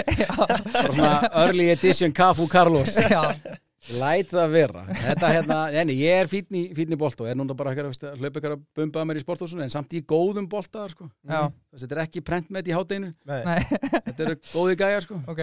Þannig að hérna, en aftur já, kemi og Já, um, þá langaði bara aðeins að mentuna þeina Þeir eru að hauga eftir hvað þetta vel lærður Hvað er þetta marga gráður og í hverju? ég er með hérna, ég er með B-gráð í ennsku Mm -hmm. Útskrifaðist 2001, skráði með 95 var alltaf að hætta og byrja aftur út af einhverju, einhverjum FM-verkundum og einhverju sko. Svo er ég núna í, í ritlist, meistarnám í ritlist í Háskóla Íslands sem er svona creative writing dæmi. Og ég er inni forsana því, ég, ég var lengi búin að skri, sest, skoða MBA-nám svo fannst mér það einhvern veginn, það voru bara allir og mamma er að konu með MBA-gráðu Anskotir, ég ætlaði að empja Já, en frábært nám og ég skoðaði vel í H ég skoðaði vel í HR og, hérna, og, og finnst það ennþá bara mjög heillandinn ég, veginn, ég er þegar ég MBA, veist, ég er kreatív megin í menginu. Þannig að allur ekstra hlutin að því ég veit það bara eftir tvö ári ég verið búið með MBA og hérna allas á hópaunnu og leggja þetta allt á familínu og þetta er rándýrt og allt það þá mynd, mér þætti þetta alveg jafn leðilegt eftir tvö ár. Ég bara þekki sjálf mig það vel sko. Mm. þannig að þá hugsa ég bara ok, mér langar bara að fara í nám sem ég er bara gaman af. Svo tók ekki, ringdi ég upp í háskóla í Ísland og spurði bara, hörðu, get ég ekki bara skráð mig og bara mætti í einhvað af því að það er einhvern ekkert endgame hjá mér ég er ekki að leita hverju gráðu má ekki bara borga hennan 75-80 skalla hvað það er og bara mæti í einn heimsbyggi tíma eða sálfræði eða sögu eða bókmyndafræði eða einhvað og það bara, það skildi ekki spurningana sko. ég bara hörðu, það er 15 ás nefndur það munur ekki með eitt gæja en í bíó eða þessum sögulemanna má ekki bara mæta því mér langar bara að ná mér í þekkingu það er bara, ha? Þannig að úrvarð og já, það var svo sem annan nám sem ég var búin að skoða lengi sem var ritlistinn þá var til dæra nýbyrja þetta, þetta meistarnám sko. Og ég bara sótti mig þar ef aldrei eitthvað kringum 18-20 nefndur og það, ég er bara fór yfir alls konar stöf sem ég var búin að skrifa í gennum tíðina og dustaðins ríki af því, lagfærið annað og neld inn og var, var svo bara valinn inn. Og er núna bara svona svolítið að lulla mér í því, já, er henni bara loka verkefni eftir. Það verður ímist eitthvað svona annarkvort ætla að taka eitthvað smá, smásagnar smásagna, örsagna verkefni eða hérna, skrifa bara nokkar smásögur eða eitthvað sem ég er í. Mm. þannig að hérna, það er ríkala skemmtilegt. Það er nú bara eitt skildukurs svo máttu, svo þarf það bara að uppfylla ákveðin svona rít smiðju hluta svo máttu náður í kursa svolítið víða ef það meika sens fyrir námi þar að segja sko. Mhm. þannig ég er búin að vera að taka kursa í íslensku og bókmyndafræði og, og ensku og eitthvað líka. Já, þannig að þar er, þar er námið. Klárað FG sætla minninga 94 fór náttúrulega ári í Ameríku þannig að það frestast um eitt ár. Ég var skiptinni við þar á við um Rotary í Moorhead, Minnesota sem er 5 minútur frá Fargo já, bara Midwest USA, ég var bara, var bara að pikka upp bílar og gúrikastífvel og country music. Erfitt, erfitt að fara í skiptram í góða veru og endi í Minnesota. Já sko, mjög fyndi sko, við komum frá Íslandi. Þarna var versti vetur í 12 ár þegar ég kom. Ég hef aldrei séð mikið snjó á ævinni nema kannski akkurat núna í vetur. Já, og rosalegt sko, Já. og kuldin hann bara sturlaður. Og svo kom bara 35 gráður yfir sömarið og moskítoflugur og raki og allt sko en hérna, þar var ég MVP í fótballtunum talandi um hérna, frækna sigra mid-90s eins og Mike Það reynda segir ekki mikið að- Karin er önrýja lélegur í fótballta jóngunar það var reyndar allt í lægi hérna. ég er ekki að segja hann að verið góður, hann var allt í lægi sko. þetta voru Já. karandi voru góðir sko. Þannig ég var, em- talandi um, nú er ég að fá smá Mike, smá, sko, ég var sem þig. MVP og Honorable Mention All State sko. Já, Já. ok, Sem var- sem skemmtilegt, já, sko. það er risa Ég reynda hvet fólk til að taka hjamman þegar hann er að tala um lækar Fyrir um þjálfari bjúknana í fimmtudeldinni Já, En þú varst það í FG og síðan ertu á fullu í, í F957 verkefnum. Myndur þú segja að þú verir maður sem kom F957 á kortið? Nei, bara ekki til einu kringstöðum Nei. Er ég einn af þeim sem var um, borð í bátnum? Bakti tólustabíl bakka, já, akkurat, í betra blöndinni ég held að Hjörvar Haflega leiki mig betur sem FM rödd sko. Hann hefur mikið, tekið það ekki einn tíðina. Nei, en ég minna, þetta var, þú veist, við bara vorum rosalega margir, en ef einhver á kannski mikið og stóran heiður af FM, þá var það búsi sko, Já. sem náttúrulega bara góðsögn í þessum útasheimu og annað, en núna vinn upp í hátegismú með K100 genginu og öðru og er bara, bara æðislegur sko. Rak mér reyndar minni einhvern mann, en ég þarf að ræða einhvern með hann. hvernig virka samt, af hverju er útarp ennþá í gangi? Af hverju er ekki útarp búið? Okkur er ekki, þú veist, sjómarbúið og dagblöð og þú veist, Já, ég einhvern veginn, þetta er náttúrulega að breytast, svo sannlega, ég meina, hér sitjum við í, í hlaðvarpi sem einhverjir, einhverjir hlust á, ef að takkin er þú rauður að segja. nei, leifur ítt á hann aftur Þannig að- að það er ekki svo fjölmjöla umhverfi sé ekki að breytast. Þú veist, við erum bara með einstaklingar sem eru með meira áhóru fréttir, mhm, hvort sem þeir heiti Solrun Díego eða Simmi Vill eða, eða hvað það er. Það eru týjur, týjur þúsund að hlusta á hinn og þessi hlaðvörp um Mm. bara hitt og þetta. mhm. og mér finnst ótrúlega talandi um í þessum plugg heimi sem ég er í að ég veit ekki hversu marga kontakta ég hef verið með á þessum miðlum. Það, það, það umhverju breytist ótrúlega rætt og ég þarf alltaf stöðugt að vera uppfara misvald í þessu. Auðvitað alltaf býið býið ákveðin lúksus í því að Íslands fjölmjölungur er tiltrúlega einfall líka og bara með Já, tvö líkil dagblöð með eh, örfáar mjög ógnar sterkar vefsíður og svo frá svo, hérna, eh, svo er þetta núna komin súpa af skemmtilegum hlaðvörpum til þess að reyna að plugga fólk inn í og annað.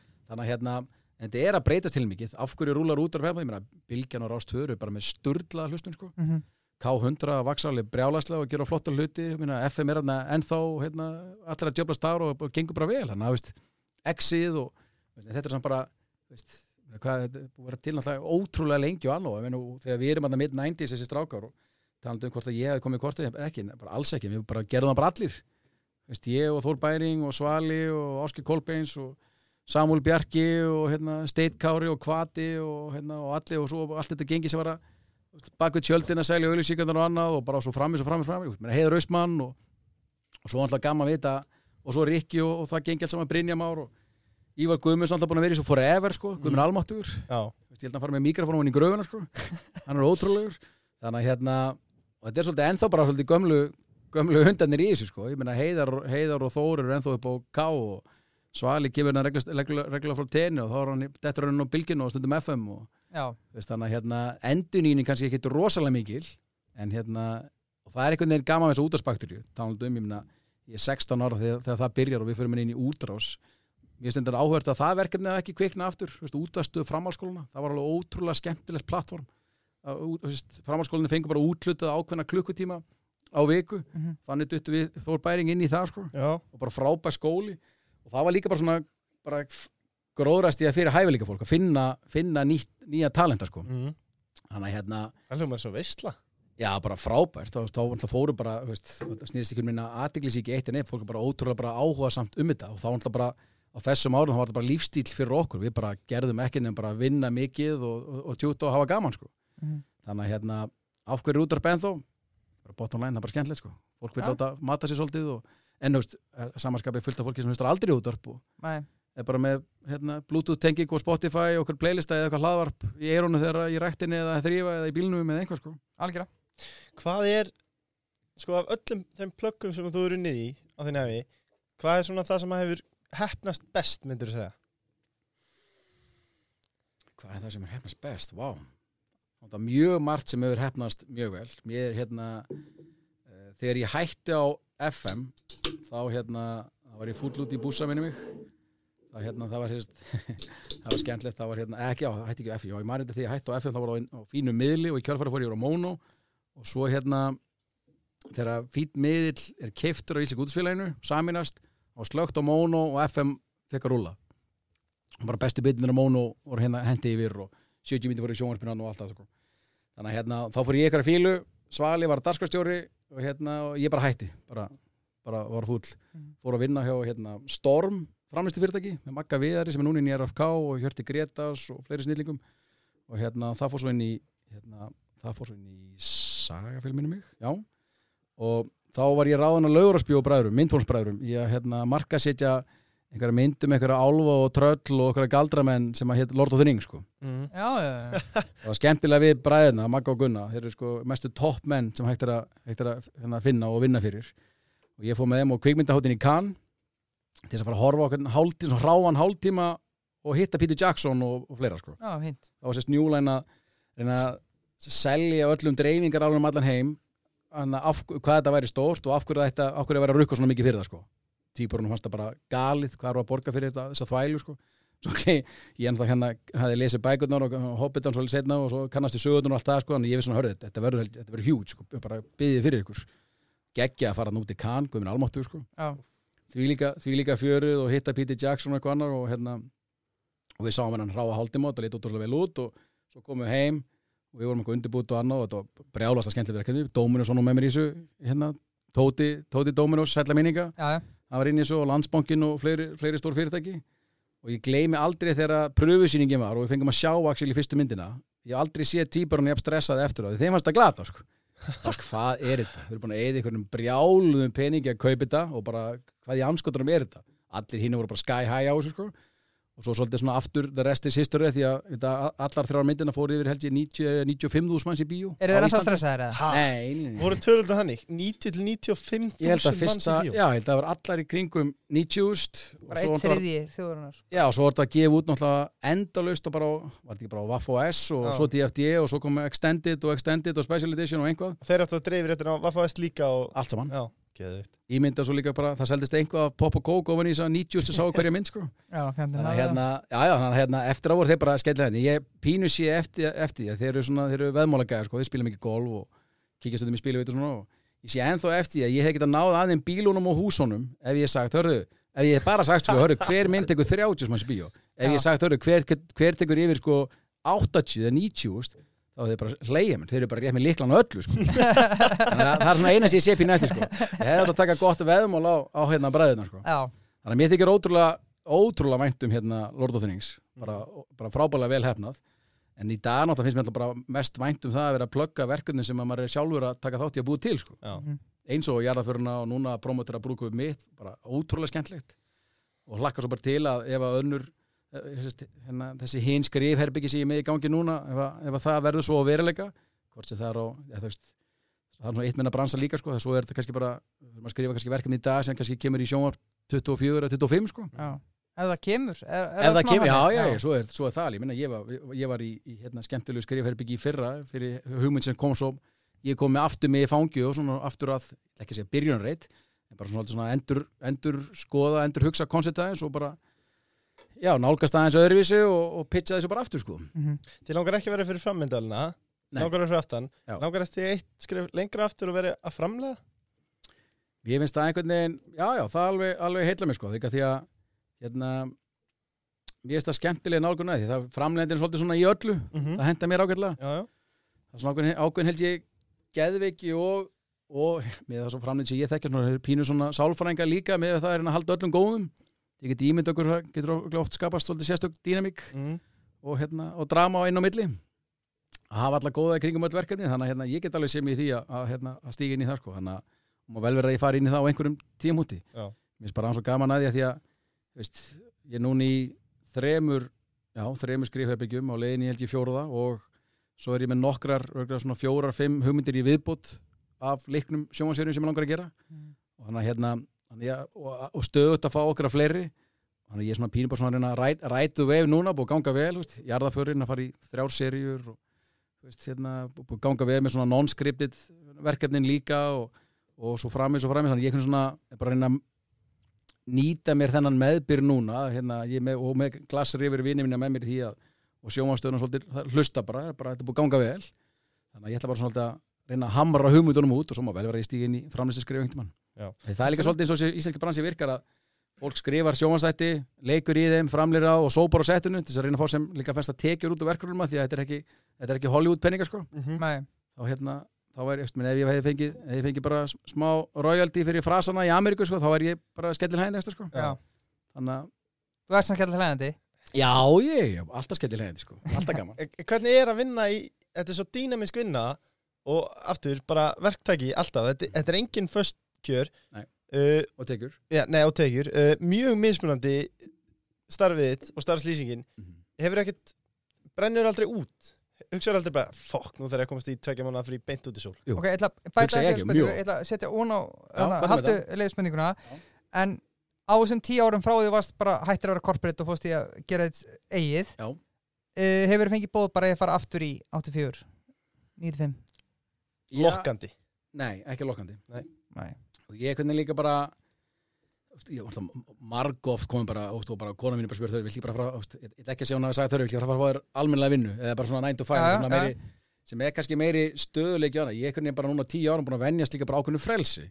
En hins vegar frelsi kostar blóðsvit og tár, því ef að ég fyrir frí þá er ekki svo ég kveiki, undir einhverju hellu og sendi einhvern indjána út að hlaupa fyrir mig. einhverju hvað, hvað er frelsi í því Já, en þá, þar, þá þarf ég bara að horfa ég þarf bara að sjá það langt fram fyrir mig í tekjuflæðinu þannig Mhm. að það make sense fyrir mig Já. bara svo í, í júli, þá næ ég engan ekki nefnir ég sé bara með eins og núna, nú er ég að vinna verkefni í júli sem er sko landsmátt hestamanna sem er 3.10. júli þá er ég í því og svo er þjóti í Vestmanni hann í byrjun ágúst þannig að en þess utan þá er bara allir sem ég vinn fyrir í frí sko. þannig að undarfærin ár bara, já, bara síðustu 7, 8, 9 ár er ég bara búin að meira og minni frí í júli fyrir utan það að promota alltaf þjóti sko. En ég einhvern veginn ég elska svigrúmið þá því ef ég vil taka mig bara dag og gera ekki neitt þá get ég það alveg en ég er samt einhvern veginn það ofvirkur og, hérna, og er bara, er bara búin að vera svona að reyna að vinna í því kannski síðan sex árað reyna líka að slaka á að stundum má bara, hörru, þú má bara taka réttað frí og binge einhverja seríu eða bara fara í í eitthvað spa eða eitthvað heitanpott eða út á lapp eða ekki, eða gera bara ekki tjakk, bara vera heima á náttbúsunum eða brókinu sko, bara á bumbinu sko. En ég hvernig það ofvirkur ofta ég fær svona pínu samvinskupið í því er ég að gera neitt Mhm. að því að þeiti vindan í haustunum á mér er bara stöðugt í gangi veginn og það er einhvern veginn já þannig að það kom alveg dag bara svona, wow, ég var alveg til í að vera bara klukka mig ekstra inn á móðnana, klukka mig svo bara út bara rétt fyrir fjögur, eins og stór hluta af þjóðinu bara gerir og bara gerir vel Taka þína styttingu, taka þína orlósta já og bara þú veist og svo er bara lagt, svo er bara lagt inn á mig hverjum ánamót og ég þarf ekki að vera að hund, heyra í hundra manns fyrir hundra mismöndi verkefni sko. Nei, Nei. akkurat en svo veginn bara hallæði mér ástum bara, bara, hörri, bara hei, bara við erum bara þakkláttur í það. Að þetta gengur vel, verkefnin eru eru alltaf mjög mörg í augnablikinu og það hefur gengið ótrúlega vel undan fyrir ár. Og ég hef bara fengið frelsu og svirum þá til þess að mynda að vera aðeins slakari, Mhm. en svo, svo er þetta líka oft bara svona tarnaverkefni. Mhm. Veist, ég, er, ég er ráðin inn, bara hörru, við erum að frumsýna þarna, þetta er að koma inn. Og þá tekið svona áhlaup. Og þá, þá er hringt í mig samlega einhver auðvísikaherferð sér eitthvað í þessu, getur komið inn með okkur og þá bara kostar það x, ég setja upp eitthvað tímaplan og, og það er bara, veist, oftar en ekki bara samþygt og bara og áfram gakk þannig að hérna, en hef ég andaði stundum í breyðbóku og bara hörru, vá, væri ekki bara gott að fara klukkast út í eitthvað annað og, og hérna, bara margóft sko. Mhm. bara, og ég held að það sé bara eðlilegt í einirkja heiminum að menn bara svona pínu kóðni því að það er ógeðslega gaman þegar það gengur vel. Þegar það er hark, þá er þetta helviti þetta er alveg töff sko. Ertu sjálfur að præsa þig? Eða, Ertu alltaf sjálfur að ákveða hvað þú tekur fyrir gig eða ertu eitthvað að ráðfæra við gráðara eða? Nei, ég hef aldrei ráðfært með neitt sko ekki kongni brest? Nei, ég minna ekkert annað bara, jú, ég minna auðvitað tala í fólk, fullt af fólki í bransónum og, og veit hvað auðlýsingastofur eru að, er að rukka og svona, sko. Þannig að ég hérna, og ég veit bara hérna meina einhvern veginn að, já, ég bara, ég bara, það kostar að fá mig í vinnu. Já. Það er bara Það þrjá, er bara markvælt tilbaka já, það já, ég líka bara, þú veist, það bara, það á að kosta að fá fólk eins og mig í vinnu með 30 ára reynslu. Það bara, mér er alveg saman hvort sé að, að plugga ykkur eða, eða alveg sama hvað það er, þú veist. Ég var einmitt að hugsa að því að einmitt þú talar um að stilla bara upp einhverju tímaköpsáallin Já. uh, að því að eins og að rukka fyrir bara að vera hvað var eftir orðið? Frasa, Frasafræsluna? frasa fræsluna Já. uh, það er það er ekkit auðvitað að stilla niður einhverju tímaplani á, inni- niður og bara hér er frasi, hér er frasi, hér er frasi nei, nei, vá, ég, ég man ekki eins hvort ég, hvort ég hafi eins og rukka eitthvað fyrir það, sko. Svo var einmitt talandi um hvernig, svo var áhvert að menn það fóru að lat- það er latta umra aftur bara að já. ómælda gleði sko. Svo fóru, svo fóru fólk einmitt að hérna, svo fóru allir að setja þetta á, á bolla og bóli og annað og selja þetta skellilhendi í hagöp og allt það, sko. Þú er bara með tárin yfir Já, alla, bara eins og ég nálgast öll verkefni í dag, ég get bara sagt hvernig ég nálgast þetta, ég, bara, ég tek ekki verkefni nema sér tíu tímar, það er bara því að það er bara fyrir alltaf ákveðin undirbúningur í hugmyndavinu, bara setjast niður, setjast inn í hlutina, hitta fólk, hlusta og annað og svo bara ok, er eitthvað í þessu, og það er bara grunnur. Og ef fólk er ekki til í það, þá bara ekkert mál sko. Mhm. Og svo er bara áalla ég bara út frá því hvort það sé, er þetta 30 tímar eða 50 tímar eða 100 tímar eða hvað það er sko. og það er bara misjátt og það er bara það er allavega engin kvartað ennþá og ég er búin að vinna fyrir sömu stóru fyrirtækin ár eftir ár eftir ár eftir ár sko. Við fengum samt frá nokkrum fyrir þátt að mönnum hafa svelst á kaffinu þegar ég sá reikningi frá þér Já, það ég, ég, ég er að grínast Þarna, En, En- en Leifur, ef að katt fer á hausinn þá getum við allavega þá heyrim við allavega fyrst í nonna Þegar að fara að sækja loft Já, það var að Nei, segja sækja pening fyrir loftinu sko. Þannig að Það er mönnum sveldist á kaffinu. Nei, nei, þá hérna Svo bara eins og með það bara, þú veist, bara, bara reynsla kostar alveg sem að hvað það er Já, og hún á bara, hún á bara að gera það sko. rétt þannig að veist, en, veist, fólk, fólk hitti mig bara einan sko. ég kem ekki með einhverja tíu með mér inn á fundin og rukka fyrir þau öll sko. Það var, þannig að og, og aftur og ég, bara, og ég er pikki á verkefni og ég getur í pikki í dag af því ég er bara að vinna fyrir stóra aðla og í, í oft tíma fyrir verkefni mánað og ég er ekki að taka með marga nýja kuna, bara alls ekki sko. þannig að Átt, áttu einhverja skemmtilega sögu um, bara kannski er þetta löngu fyrir vonandi eitthvað sem að kannski særi engan uh, bara steiktasta pitch sem þú hefur fengið bara eitthvað alvöru gott loft bara gæða loft Vá, talandi um loft Við tölum um að hafa selt loft í kassa þegar skíma seldi Idol-spilið, munið þið það? mm já, Það var. Það var actually loft í kassa En hérna hef ég fengið slæð, nei, ég meina en ég hef alveg verið reynskilin líka við fólk bara eins og eins og hérna, eins og ég segi sko hérna, bara eins og í, í kvikmyndabransunum annar bara eins og ég oft, ringi fólk í mig og frekar en ég fara að rukka ég- oft, oft er ég bara mjög reynskilin, bara bara sorry það er ekkert í þessu og ég bara, það kannski getur verið kalt en ég er samanskap einhvern veginn í bara svo að ég er bara of, of gammal til að vera skafa oft á hlutunum sko. af hverju myndir ekki taka seðlinn og segja þá að þetta sé umulegt Já, þú veist, hérna, ég bara einhvern veginn, að ég veit ekki, mér finnst Þú það bara vinnur ekki þannig Nei, ég bara vinn ekki þannig, mér finnst það bara ekki heðalegt einhvern veginn Þannig að Nei, ég, ég fikk eitthvað símtölum daginn hérna, eða daginn, það var svona eitt, tvö- eitt, tvö ár síðan og það var hérna einhver mynd sem var að koma í bíó og hann var að frumsynna og svo átti að fara að reyna að bjarga einhver eftir á og það er ekki hægt Nei. það er bara, það er literally ekki hægt sko. það því að hérna kvikmyndafrumsynningar hér alveg svo út í hinn stóra heimi snúa svolítið mikið um frumsynningar helgin og það byggir svolítið mikið ofan á það Já. og svo umtal og annað og ef frumsynning helgin er ónýt þá bjargar einhver eftir á alveg sem þú myndið að 20 miljónum mjöglýsingar og allt það, það bara breytir rosalega litlu því að initial áhugin var ekki meiri en það að þú vildir ekki fara að sjá hann á fyrstu varst ekki það- spenntur þá var það ekki að fara að koma á helgi 2 og, og allra síst helgi 3 og 4 sko. ok, en, en þá fekk ég mitt bara sínd og ég sagði bara, bara sorry, er bara það er ekkert í því að fara að ráða mig í vinnu og það er bara, það er bara tímaðisla sko. En ef við tökum smá plögg umræðu þú veist, Já. eins og til dæmis örfáir miðar eftir er þetta ekki löngu búið eða er ekki allir búin að lesa gegnum þetta Jú, en það er svo, svo hleypa allir til einhvern veginn en jú, ég meina, virkar þetta ennþá? fólk notar alveg sömu, sömu frasana sko, guðminn almáttur Sko ég, sko, ég, ég get beint sagt á þetta topin í hérna bara bandarækjunum og, og, og fyrir þá sem voru, þe- fyrir þá sem voru bónur á Arjón skákmúti því miður að fara að heyra þetta núna Já. en þú veist, við hendum í skilur örfá pláss eftir þegar það var enginn að skrá sig skilur Já. Þetta var líka skákmót. ég var, skemmtilega að sögja á svona. Við heldum eins og nýjósparti á Ósjó sem var eitthvað skemmtist sem var til í kortir í miðborg Reykjavíkur. Og við byrjum að auglýsa á Móno held ég, bara í byrjun, bara byrjun desember þá við bara nýjósparti uppselt. Keirðum það bara í klessu sko í svona tvær, tíu daga það var ekki búið að selja einni, það var ekki búið að prenta með hann sko. við ákvæmum bara að prófa, bara spilum aðeins á þetta. Já, bara á smá hégum að gera þetta og eitthvað allir bara heyri, með fóm og bara dauðans bara. Já bara þú veist, ég verð bara að fá með á þetta. Bara það er allir, bara þetta er alls ég bara get ekki hægt, ég heyri, heyri ekkert annað. Og svo, svo hérna svo bara fór allt í að poppa upp ykkur með þetta sölu og annað Já. og, og það varð uppselt sko. Já, þannig að hérna en jú, jú, virkar þetta sér fólk auðvitað í gegnum kannski einhvað veist. En fólk er samt ennþá að kera mjög mikið að sömu frösunum oft í kringum þetta. Já þannig að örfáið mér og triðið þetta og hitt og framins þannig að, Það væri nefnilega ekki sérst eitthvað nóg að miðum eftir. Nei, bara, veist, Engi búin að kaupa miðum nei, þú veist og ég get einmitt sagt minn sem er, ok, ég har örfáið mér eftir eru, Já, já, ég hjóði því, þú sagði 400 miðar, skilur já, eitthvað tefnilega 14-15 manns og eitthvað og þetta er samt bara veist, fræðslu fyrirlestu ráðstefna. Þannig að hérna ótrúlega áhugaverur þannig að við erum að selja kringum þúsund miða sem er bara stórkostlegt sko. Mm -hmm. þannig að hérna, en náttúrulega búin að vera frosi, bóttfrosi í tvö ár En, en eins og talar um, sko, það veltur svo mikið á hérna, frumsýningarhelginni. mm -hmm. Uh, hvernig, hvað triks er í bókinni til þess að plugga bíómynd?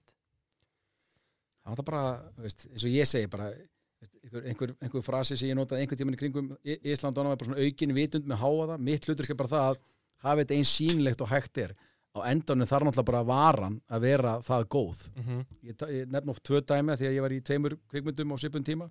Það var hann svona kvikmyndi Frost sem gerist upp á jökli, eitthvað svona pínu horror og svo svartur á leik. Já. ég var búin að vinna fyrir Frost í líkar þrjá mánuði og hún var búin að vera út um allt. Svo var bara var bóðsynning upp í Sam Egilsöll og bara, bara líkum við í hljegi var að byrja að stúta myndin á samfélagsmiðlum og morgunin eftir kom sko, Svartur á leik nei, Frost. hérna Frost. Já, já, já. Það kom bara svona einhver í frétta tímunum minni mig bara eitthvað svona bara skelvileg hérna gaggrinni á frumsýningadegi sko, hún fekk ekki svona eiga helgina sko. Þannig að hann bara búið að taka myndina lífi á einu sólarring sko, Já, ég var búin að vinna í þrjá mánu myndin var búin að vera í, ö- þú veist, leikarar og aðstandur var bara í kringum, bara í öllum fjölmjölum. Svo er ég ráðan inn svartanleik og þá bara, og ég held að 5.000 mann síðan í bíó en bara brjáluð vinna, plöggvinna mín megin. Ég var náttúrulega í 2-3 vikur í svartum og leik og það var samanskap út um allt þar var hins að var hann geggjuð. Geðvik og bara náði í gegn Frosto hefði margt með sér og allt það sko, en hún bara náði ekki í gegn, 5.000 manns í bíó. Og bara 60-70 manns sem sá svartanuleik Geðvik mynd, sko. Geðugmynd og hún öðruðast líka bara svona sjálfstætt líf eftir alla vinnuna sem ég og fleiri vorum búin að gera og Karl Bittur og fleiri hérna voru margir að vinna í, í þessu sko. Og frábært teimi í kringum þetta og myndin líka bara frábær.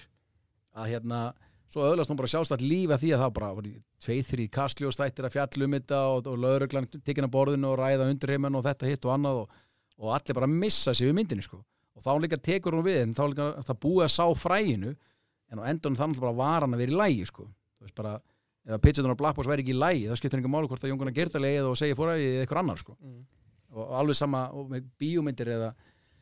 sjómanstætti og tala um í dag menn það er off frambóð af Veist, ég er afþreyinga sjúkur og með þetta allt saman liggja við Netflix og Disney Plus og, og hérna Viaplay og ég með stöðtfu og sjómar Símans og það er rúf og það er enda laust maður kefist bara og það mókast inn frá öllum heiminum maður er allir að horfa á kóreska þætti og finska þætti og norska þætti og, og danska þætti og svo er allt þetta íslenska og algjör svona góðsentífur of alinn á íslensku eða lefni þessa dagana sko og búin að vera undir þannig mánuði verðbúin að gegja það, svörtu sanda frábærir vennlegt fólk aðeinslegt og svo er að koma núna um páskana, brúköpið mitt og vitjanir á rúf, Já, tvær leikna serjur, þetta er bara svona, þetta er full, fullkomlega gali einhvern veginn, þannig að við erum rosalega, veist, það er svo, svo mikið ofram, þannig að reyna að ná yfir noise level, það er alveg svona tekur alveg á, en aftur bara tengslanet, fjölmila umhverju á Íslandi er, ég ætla ekki að segja þessi einfald en það er bara, það eru fáir stórir miðlar þannig að það er eftirsókn að verða að koma einhvern í, í stórt viðtal í fréttablánu, forsið að lögði komast inn í,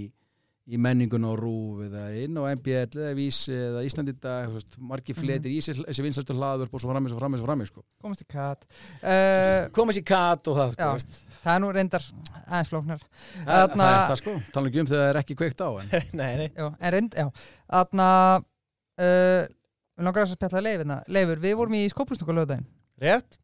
Vá, frábært. Fyrsta skóplustungan Úli Valur kann að halda partí.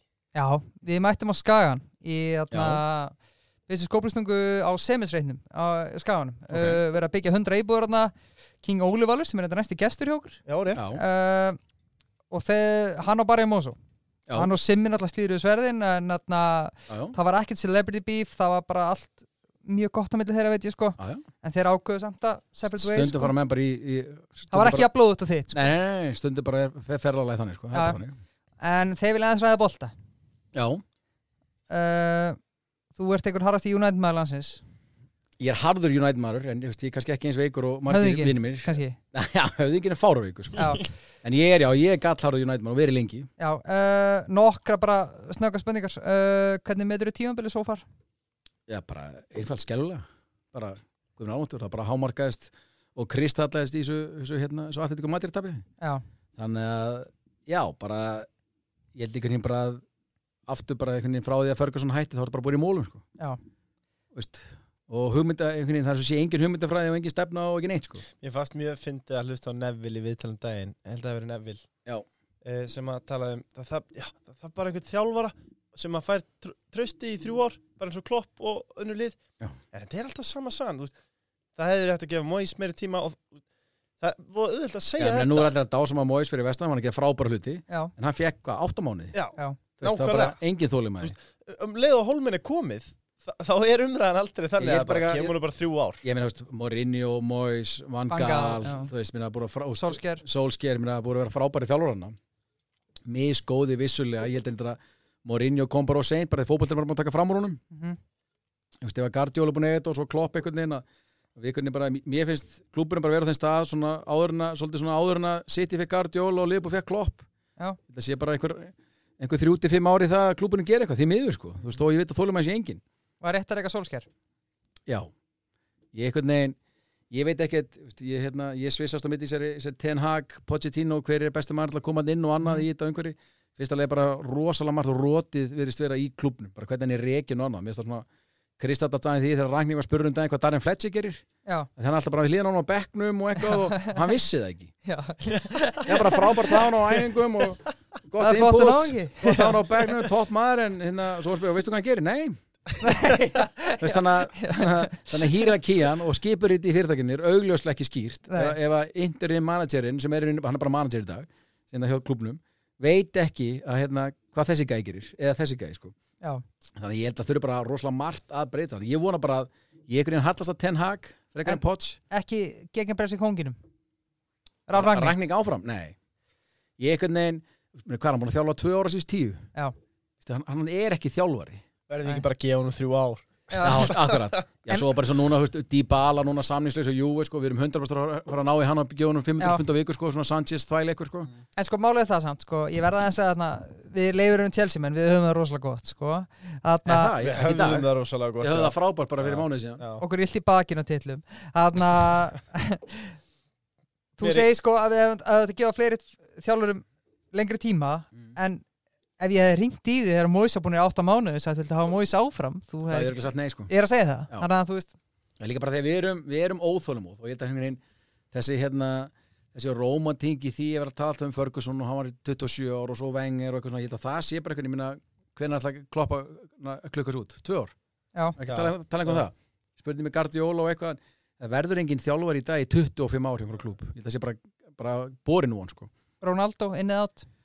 Uh, ég vil að bara, bara, bara klára bara sísónu svo fer hann Ef ég er að segja, ertu, ertu fan eða ekki, eða skilur, varst ég, ánægð með ég er kaupin? mikill ég er mikill Ronaldo maður, Gunnar Almóti ég, talandi um sko, skemmturist dag lífsmynds þá var einn af þeim sem ég var í Moskvu þegar þeir eru unni mestardölduna Ekki minna Chelsea menn á það. Gunnar Almóti, sko, það var, það var gott partí líka hérna, Það er að slippa í terri já, ég meina slipi akkurat það er hérna já, þú veist ég hérna vá, hvað er spurningin? Ronaldo Ronaldo, já, já, ég er mikill Ronaldo maður. ég, var, Michael ég, hattar fagnaði, Ronaldo sko. ég fagnaði kaupunum bara, þú veist, fannst það en svo einhvern veginn eftir á ekki þú veist, ég minna auðvitað tr trilltur leikmar og legacy, guðminn almáttu sko. minna, það þarf ekki að ræða það hann eða Messi og allt þetta sko, bara uh, trilltur en ég einhvern veginn, ég held að þegar þú komið mann eins og hann inn í liðið þá ert ekki að stilla upp liðið, þá stillir upp honum Já, og svo, og svo, já. og svo restinni sko. Já. og meðan að, að meðan að Klopp og Guardiola og lið er að sti- og bæinn og svo er að stilla upp liði Mhm, mér finnst ótrúlega gaman að sjá hvað Savi er að gera hjá Bassa núna sko. Já, ég bjóst ekki við 0-4 um helgina nei. en hann er greinlega kemur inn og á stuttum tíma bara búin að breyta einhvern veginn dýnamíkin í liðinu Mm. mhm, af því þeir voru út á túni sko Já. og það strax einhvern veginn ópa að virka dembili núna svínvirka í svo leikum helgina og einhvern veginn kaupa núna Kessi tilgjörn það í dag kló, klókir í því en mér finnst bara United er bara einhvern veginn veist þessi Sanchez kaup ekki það mest æða að fá slatan bara alltaf að fá hlustan í viðtónum sko. Þú veist alveg gaman að svona legendis og hann og allt það en bara, veist, það er einhvern veginn það er engin struktúr og einhvern, einhvern veginn hugmynd þetta er allt svona svolítið bara einhvað veist, og svo eru að að spila mot einhvern alvöru liðum og það bara hleyða okkur sko, já, já. og þessi fyrirleikur í Madrid þetta mótið allir og guðmur almáttu sko. Uh, Loka fótbolspurning uh, Liði í íslenska breyðblik, Yes, maður, yes. það er hérna Alltaf næði að koma bliks það er búið að vera þannig í 15 ár ég er, ég er orginal íkáingur í Góbói sko. mm. Bara talandi um gamla skólan, bara upp á möl upp á heiði með gulla gull og Jóni Þorgrími og fleiri hérna, Ívar Jóns og fleiri snillingum sko. Haflega það nokkrum ekki kempum Já, ég, ég, ég sé sett þegar ég er, ég er 74 og Gulli, Jónsi og Ívar Jóns og fleiri eru 75 sko, þannig að við, við ferðum saman upp all yngjaflokka. Já. Svo ferði upp í HK og svo, svo fór ég eitthvað af leið hérna í öðrum flokki og var í, fór yfir í stjörnun í Garabæ með Lula Jónas og fleiri snillingum. Já, kongurinn Takk, takk. Og hérna, og enda svo í fram og eitthvað. Og svo tók ég, veist, ég hef geit meistrarflokksleik en tók eitthvað, tók alltaf undirbúinstímbilin svo hætti alltaf á sömurinn þegar við vorum í sem útarsvesin og annars sko, svo gaman. En átt Mike Sugur En á Mike Sur, já, Já. já mjög, næsta hitti Mike, ræði, spurði hann þá út í Class of 93 sem er hérna, sérst fram annarflokkur en elsta árið, sko. Lóða því hann er örgulega með svar við því það ég sérst verð bliki bara þegar dótti mín sem er 18 ári í dag, hún hérna æfiði fótbolta í þrjú ár fyrir pappa sinn, svo fannst hann ekkert skemmtlegt. Þá hérna, þá fer hún í, var hún í blikunum og nú er ég með eitt 14 ára gæja og eldra árin í fjóraflokki, Mhm. eitt 7 ára í sjönda og eitt 30 ára bara á leiðin á sína fyrsta æfingu bara til mánu, sko. Þannig ég verð óþólandi fyrir þjálfarana í breyðablík næstu 20 árin sko, á öllum þessum mótum og, og ég elska það, ég bara gengi baddóm að fara á þessi mót sko. Er, Ertu erfur á, hliðlinni? Nei, nei, ég er nú búin að reyna að tóna það mikið niður sko, að hérna en ég meina, ég, hef- rosalegan áhuga á því sem að, hérna, og bara gaman að því sem að, að, að horfa á guttar minni spila hópulta og ég og minn 14 er til dæmis bara í hann er bara, bara efnilegur og bara, við erum bara svona ákveðinu ferðarlagi við erum með sameiglitt Google skjál þar sem ég er búin að sapna, sapna svona kommentum fyrir ungan dreng hverju hann ætti að innbytt sér að frá hinum og þessum snillingum sko Mm. allt frá bara Tjekki og Hörður Björgvin og Alfred Fimbo og yfir í alla miðjuna hjá blíkunum í dag, Höskuldur og hérna, Jóman og Oliver og hérna, Viktor Karl Viktor Karl Já. og Kitty Steindós og allir þessi gæjar sko.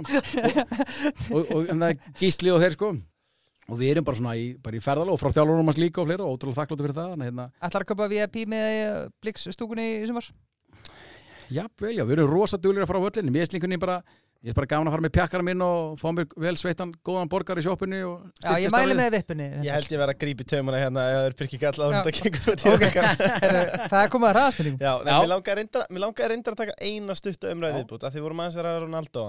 Ég kalli þetta MJ syndrom, Michael Jordan syndrom Þetta er líka gerst með Lebron í körfinni og Ronaldo hjá Man United þegar leikmaður er orðin sko bara legend hann, hann er bara komin á þann stað að hann er í umræðinu bara hvort hann sé bestur allar tíma Mhm. hvernig þjálfar þannig gæja sko og þess vegna hefur mjög Já. áhugavert til dæmis ef hann hefði farið til Man City eða eitthvað til Guardiola sem er Mhm. líka í þessari umræðu Mhm. hvort hann hefði mögulega geta beislaðan af því að það er augljóst að Ragník er ekki að gera það sko Já. og eðlilega ekki, hann, eins og talar um tvö ár á sérstu tíu þjálfari Já, líka bara einhvern veginn veist, áhugavert einhvern ástandan í klefunum annað og einhvern veginn, ég myndi einhvern, ég væri frekar til að ræða eða klukkutími að ræða Harry Maguire næsta, veist, Já, heldur, en, heldur en sér sjö sko Já, Af því að ég held bara gæðin sem að selda okkur hann frá Lester það bara ennþá verið að baða hann í kampæni sko.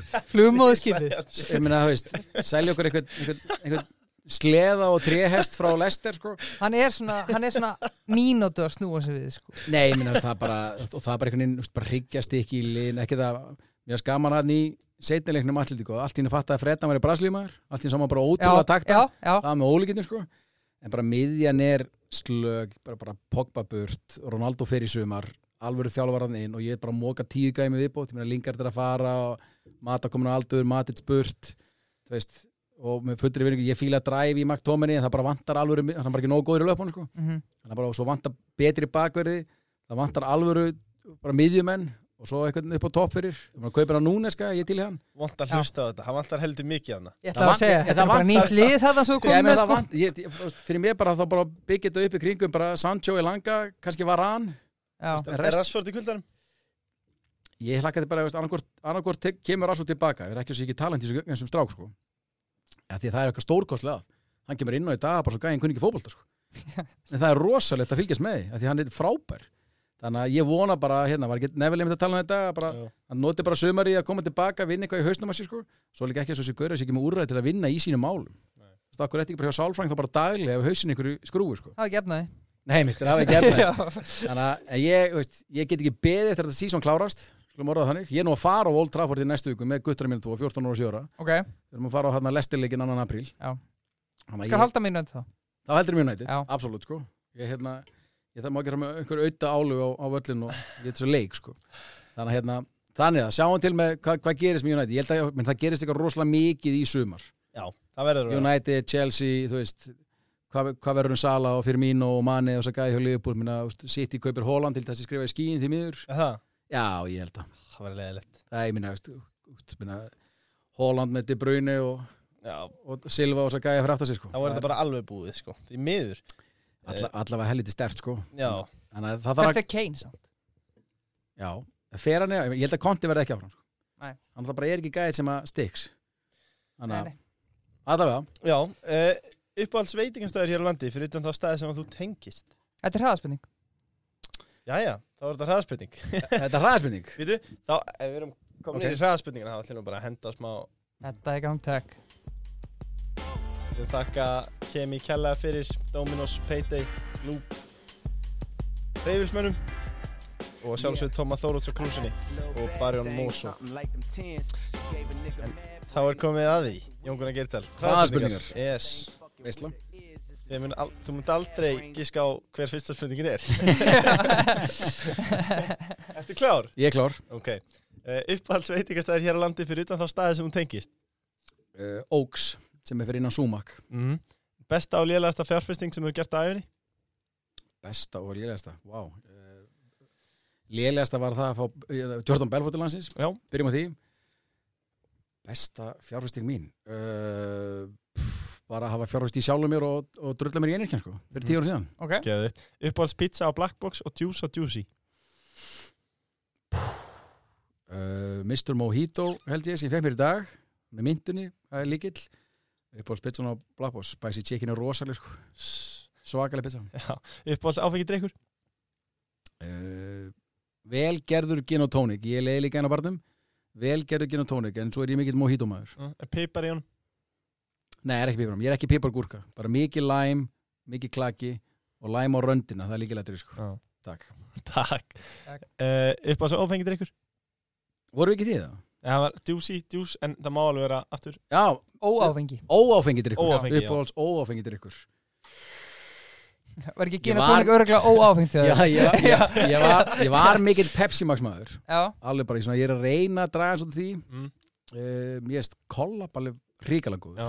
ég er svona, það er sama það sko, ég er svona að reyna að minka koffín intökur sko. Ok. Þannig að endur bara myndi ég bara segja bara íslenska vatni sko. Bara, Já, og, og bara klassískt. best, akkurat. Uppáhalds staður í heiminum? á staðar í heiminum? Af því sem ég hef heimsóm galtaviti fyrir vestan. Ekkert símasamband, ekkert ramagn og ég eiti tveimur sólurhingu þar með konunni og sýstu minni og kallinu hennar. Það var bara, talandi um að fara í frí. Já. Það er engin nær í mig, það er frí. Já. Þannig að hérna, það er bara dásamstæðin en svo bara ég, ég fullt aðeins sko, þannig að mm Farga, fjölga, flengja. Uh, Nýjáttgáðan að giftast svo hjá eða drepa já, já, já. Uh, farga fjölda flengja ok, Nei, farga, fjölga, flengja. Ok. Uh, Ötti, stendi og gils. Farga fjölga flengja.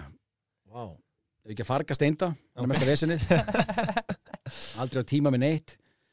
Uh, ef ekki að fjölga einu blöndan, hann er búin að dölur að fjölga sér. Og giftast Gils. Já, já, flengjum, flengjum skýrhausin. Já.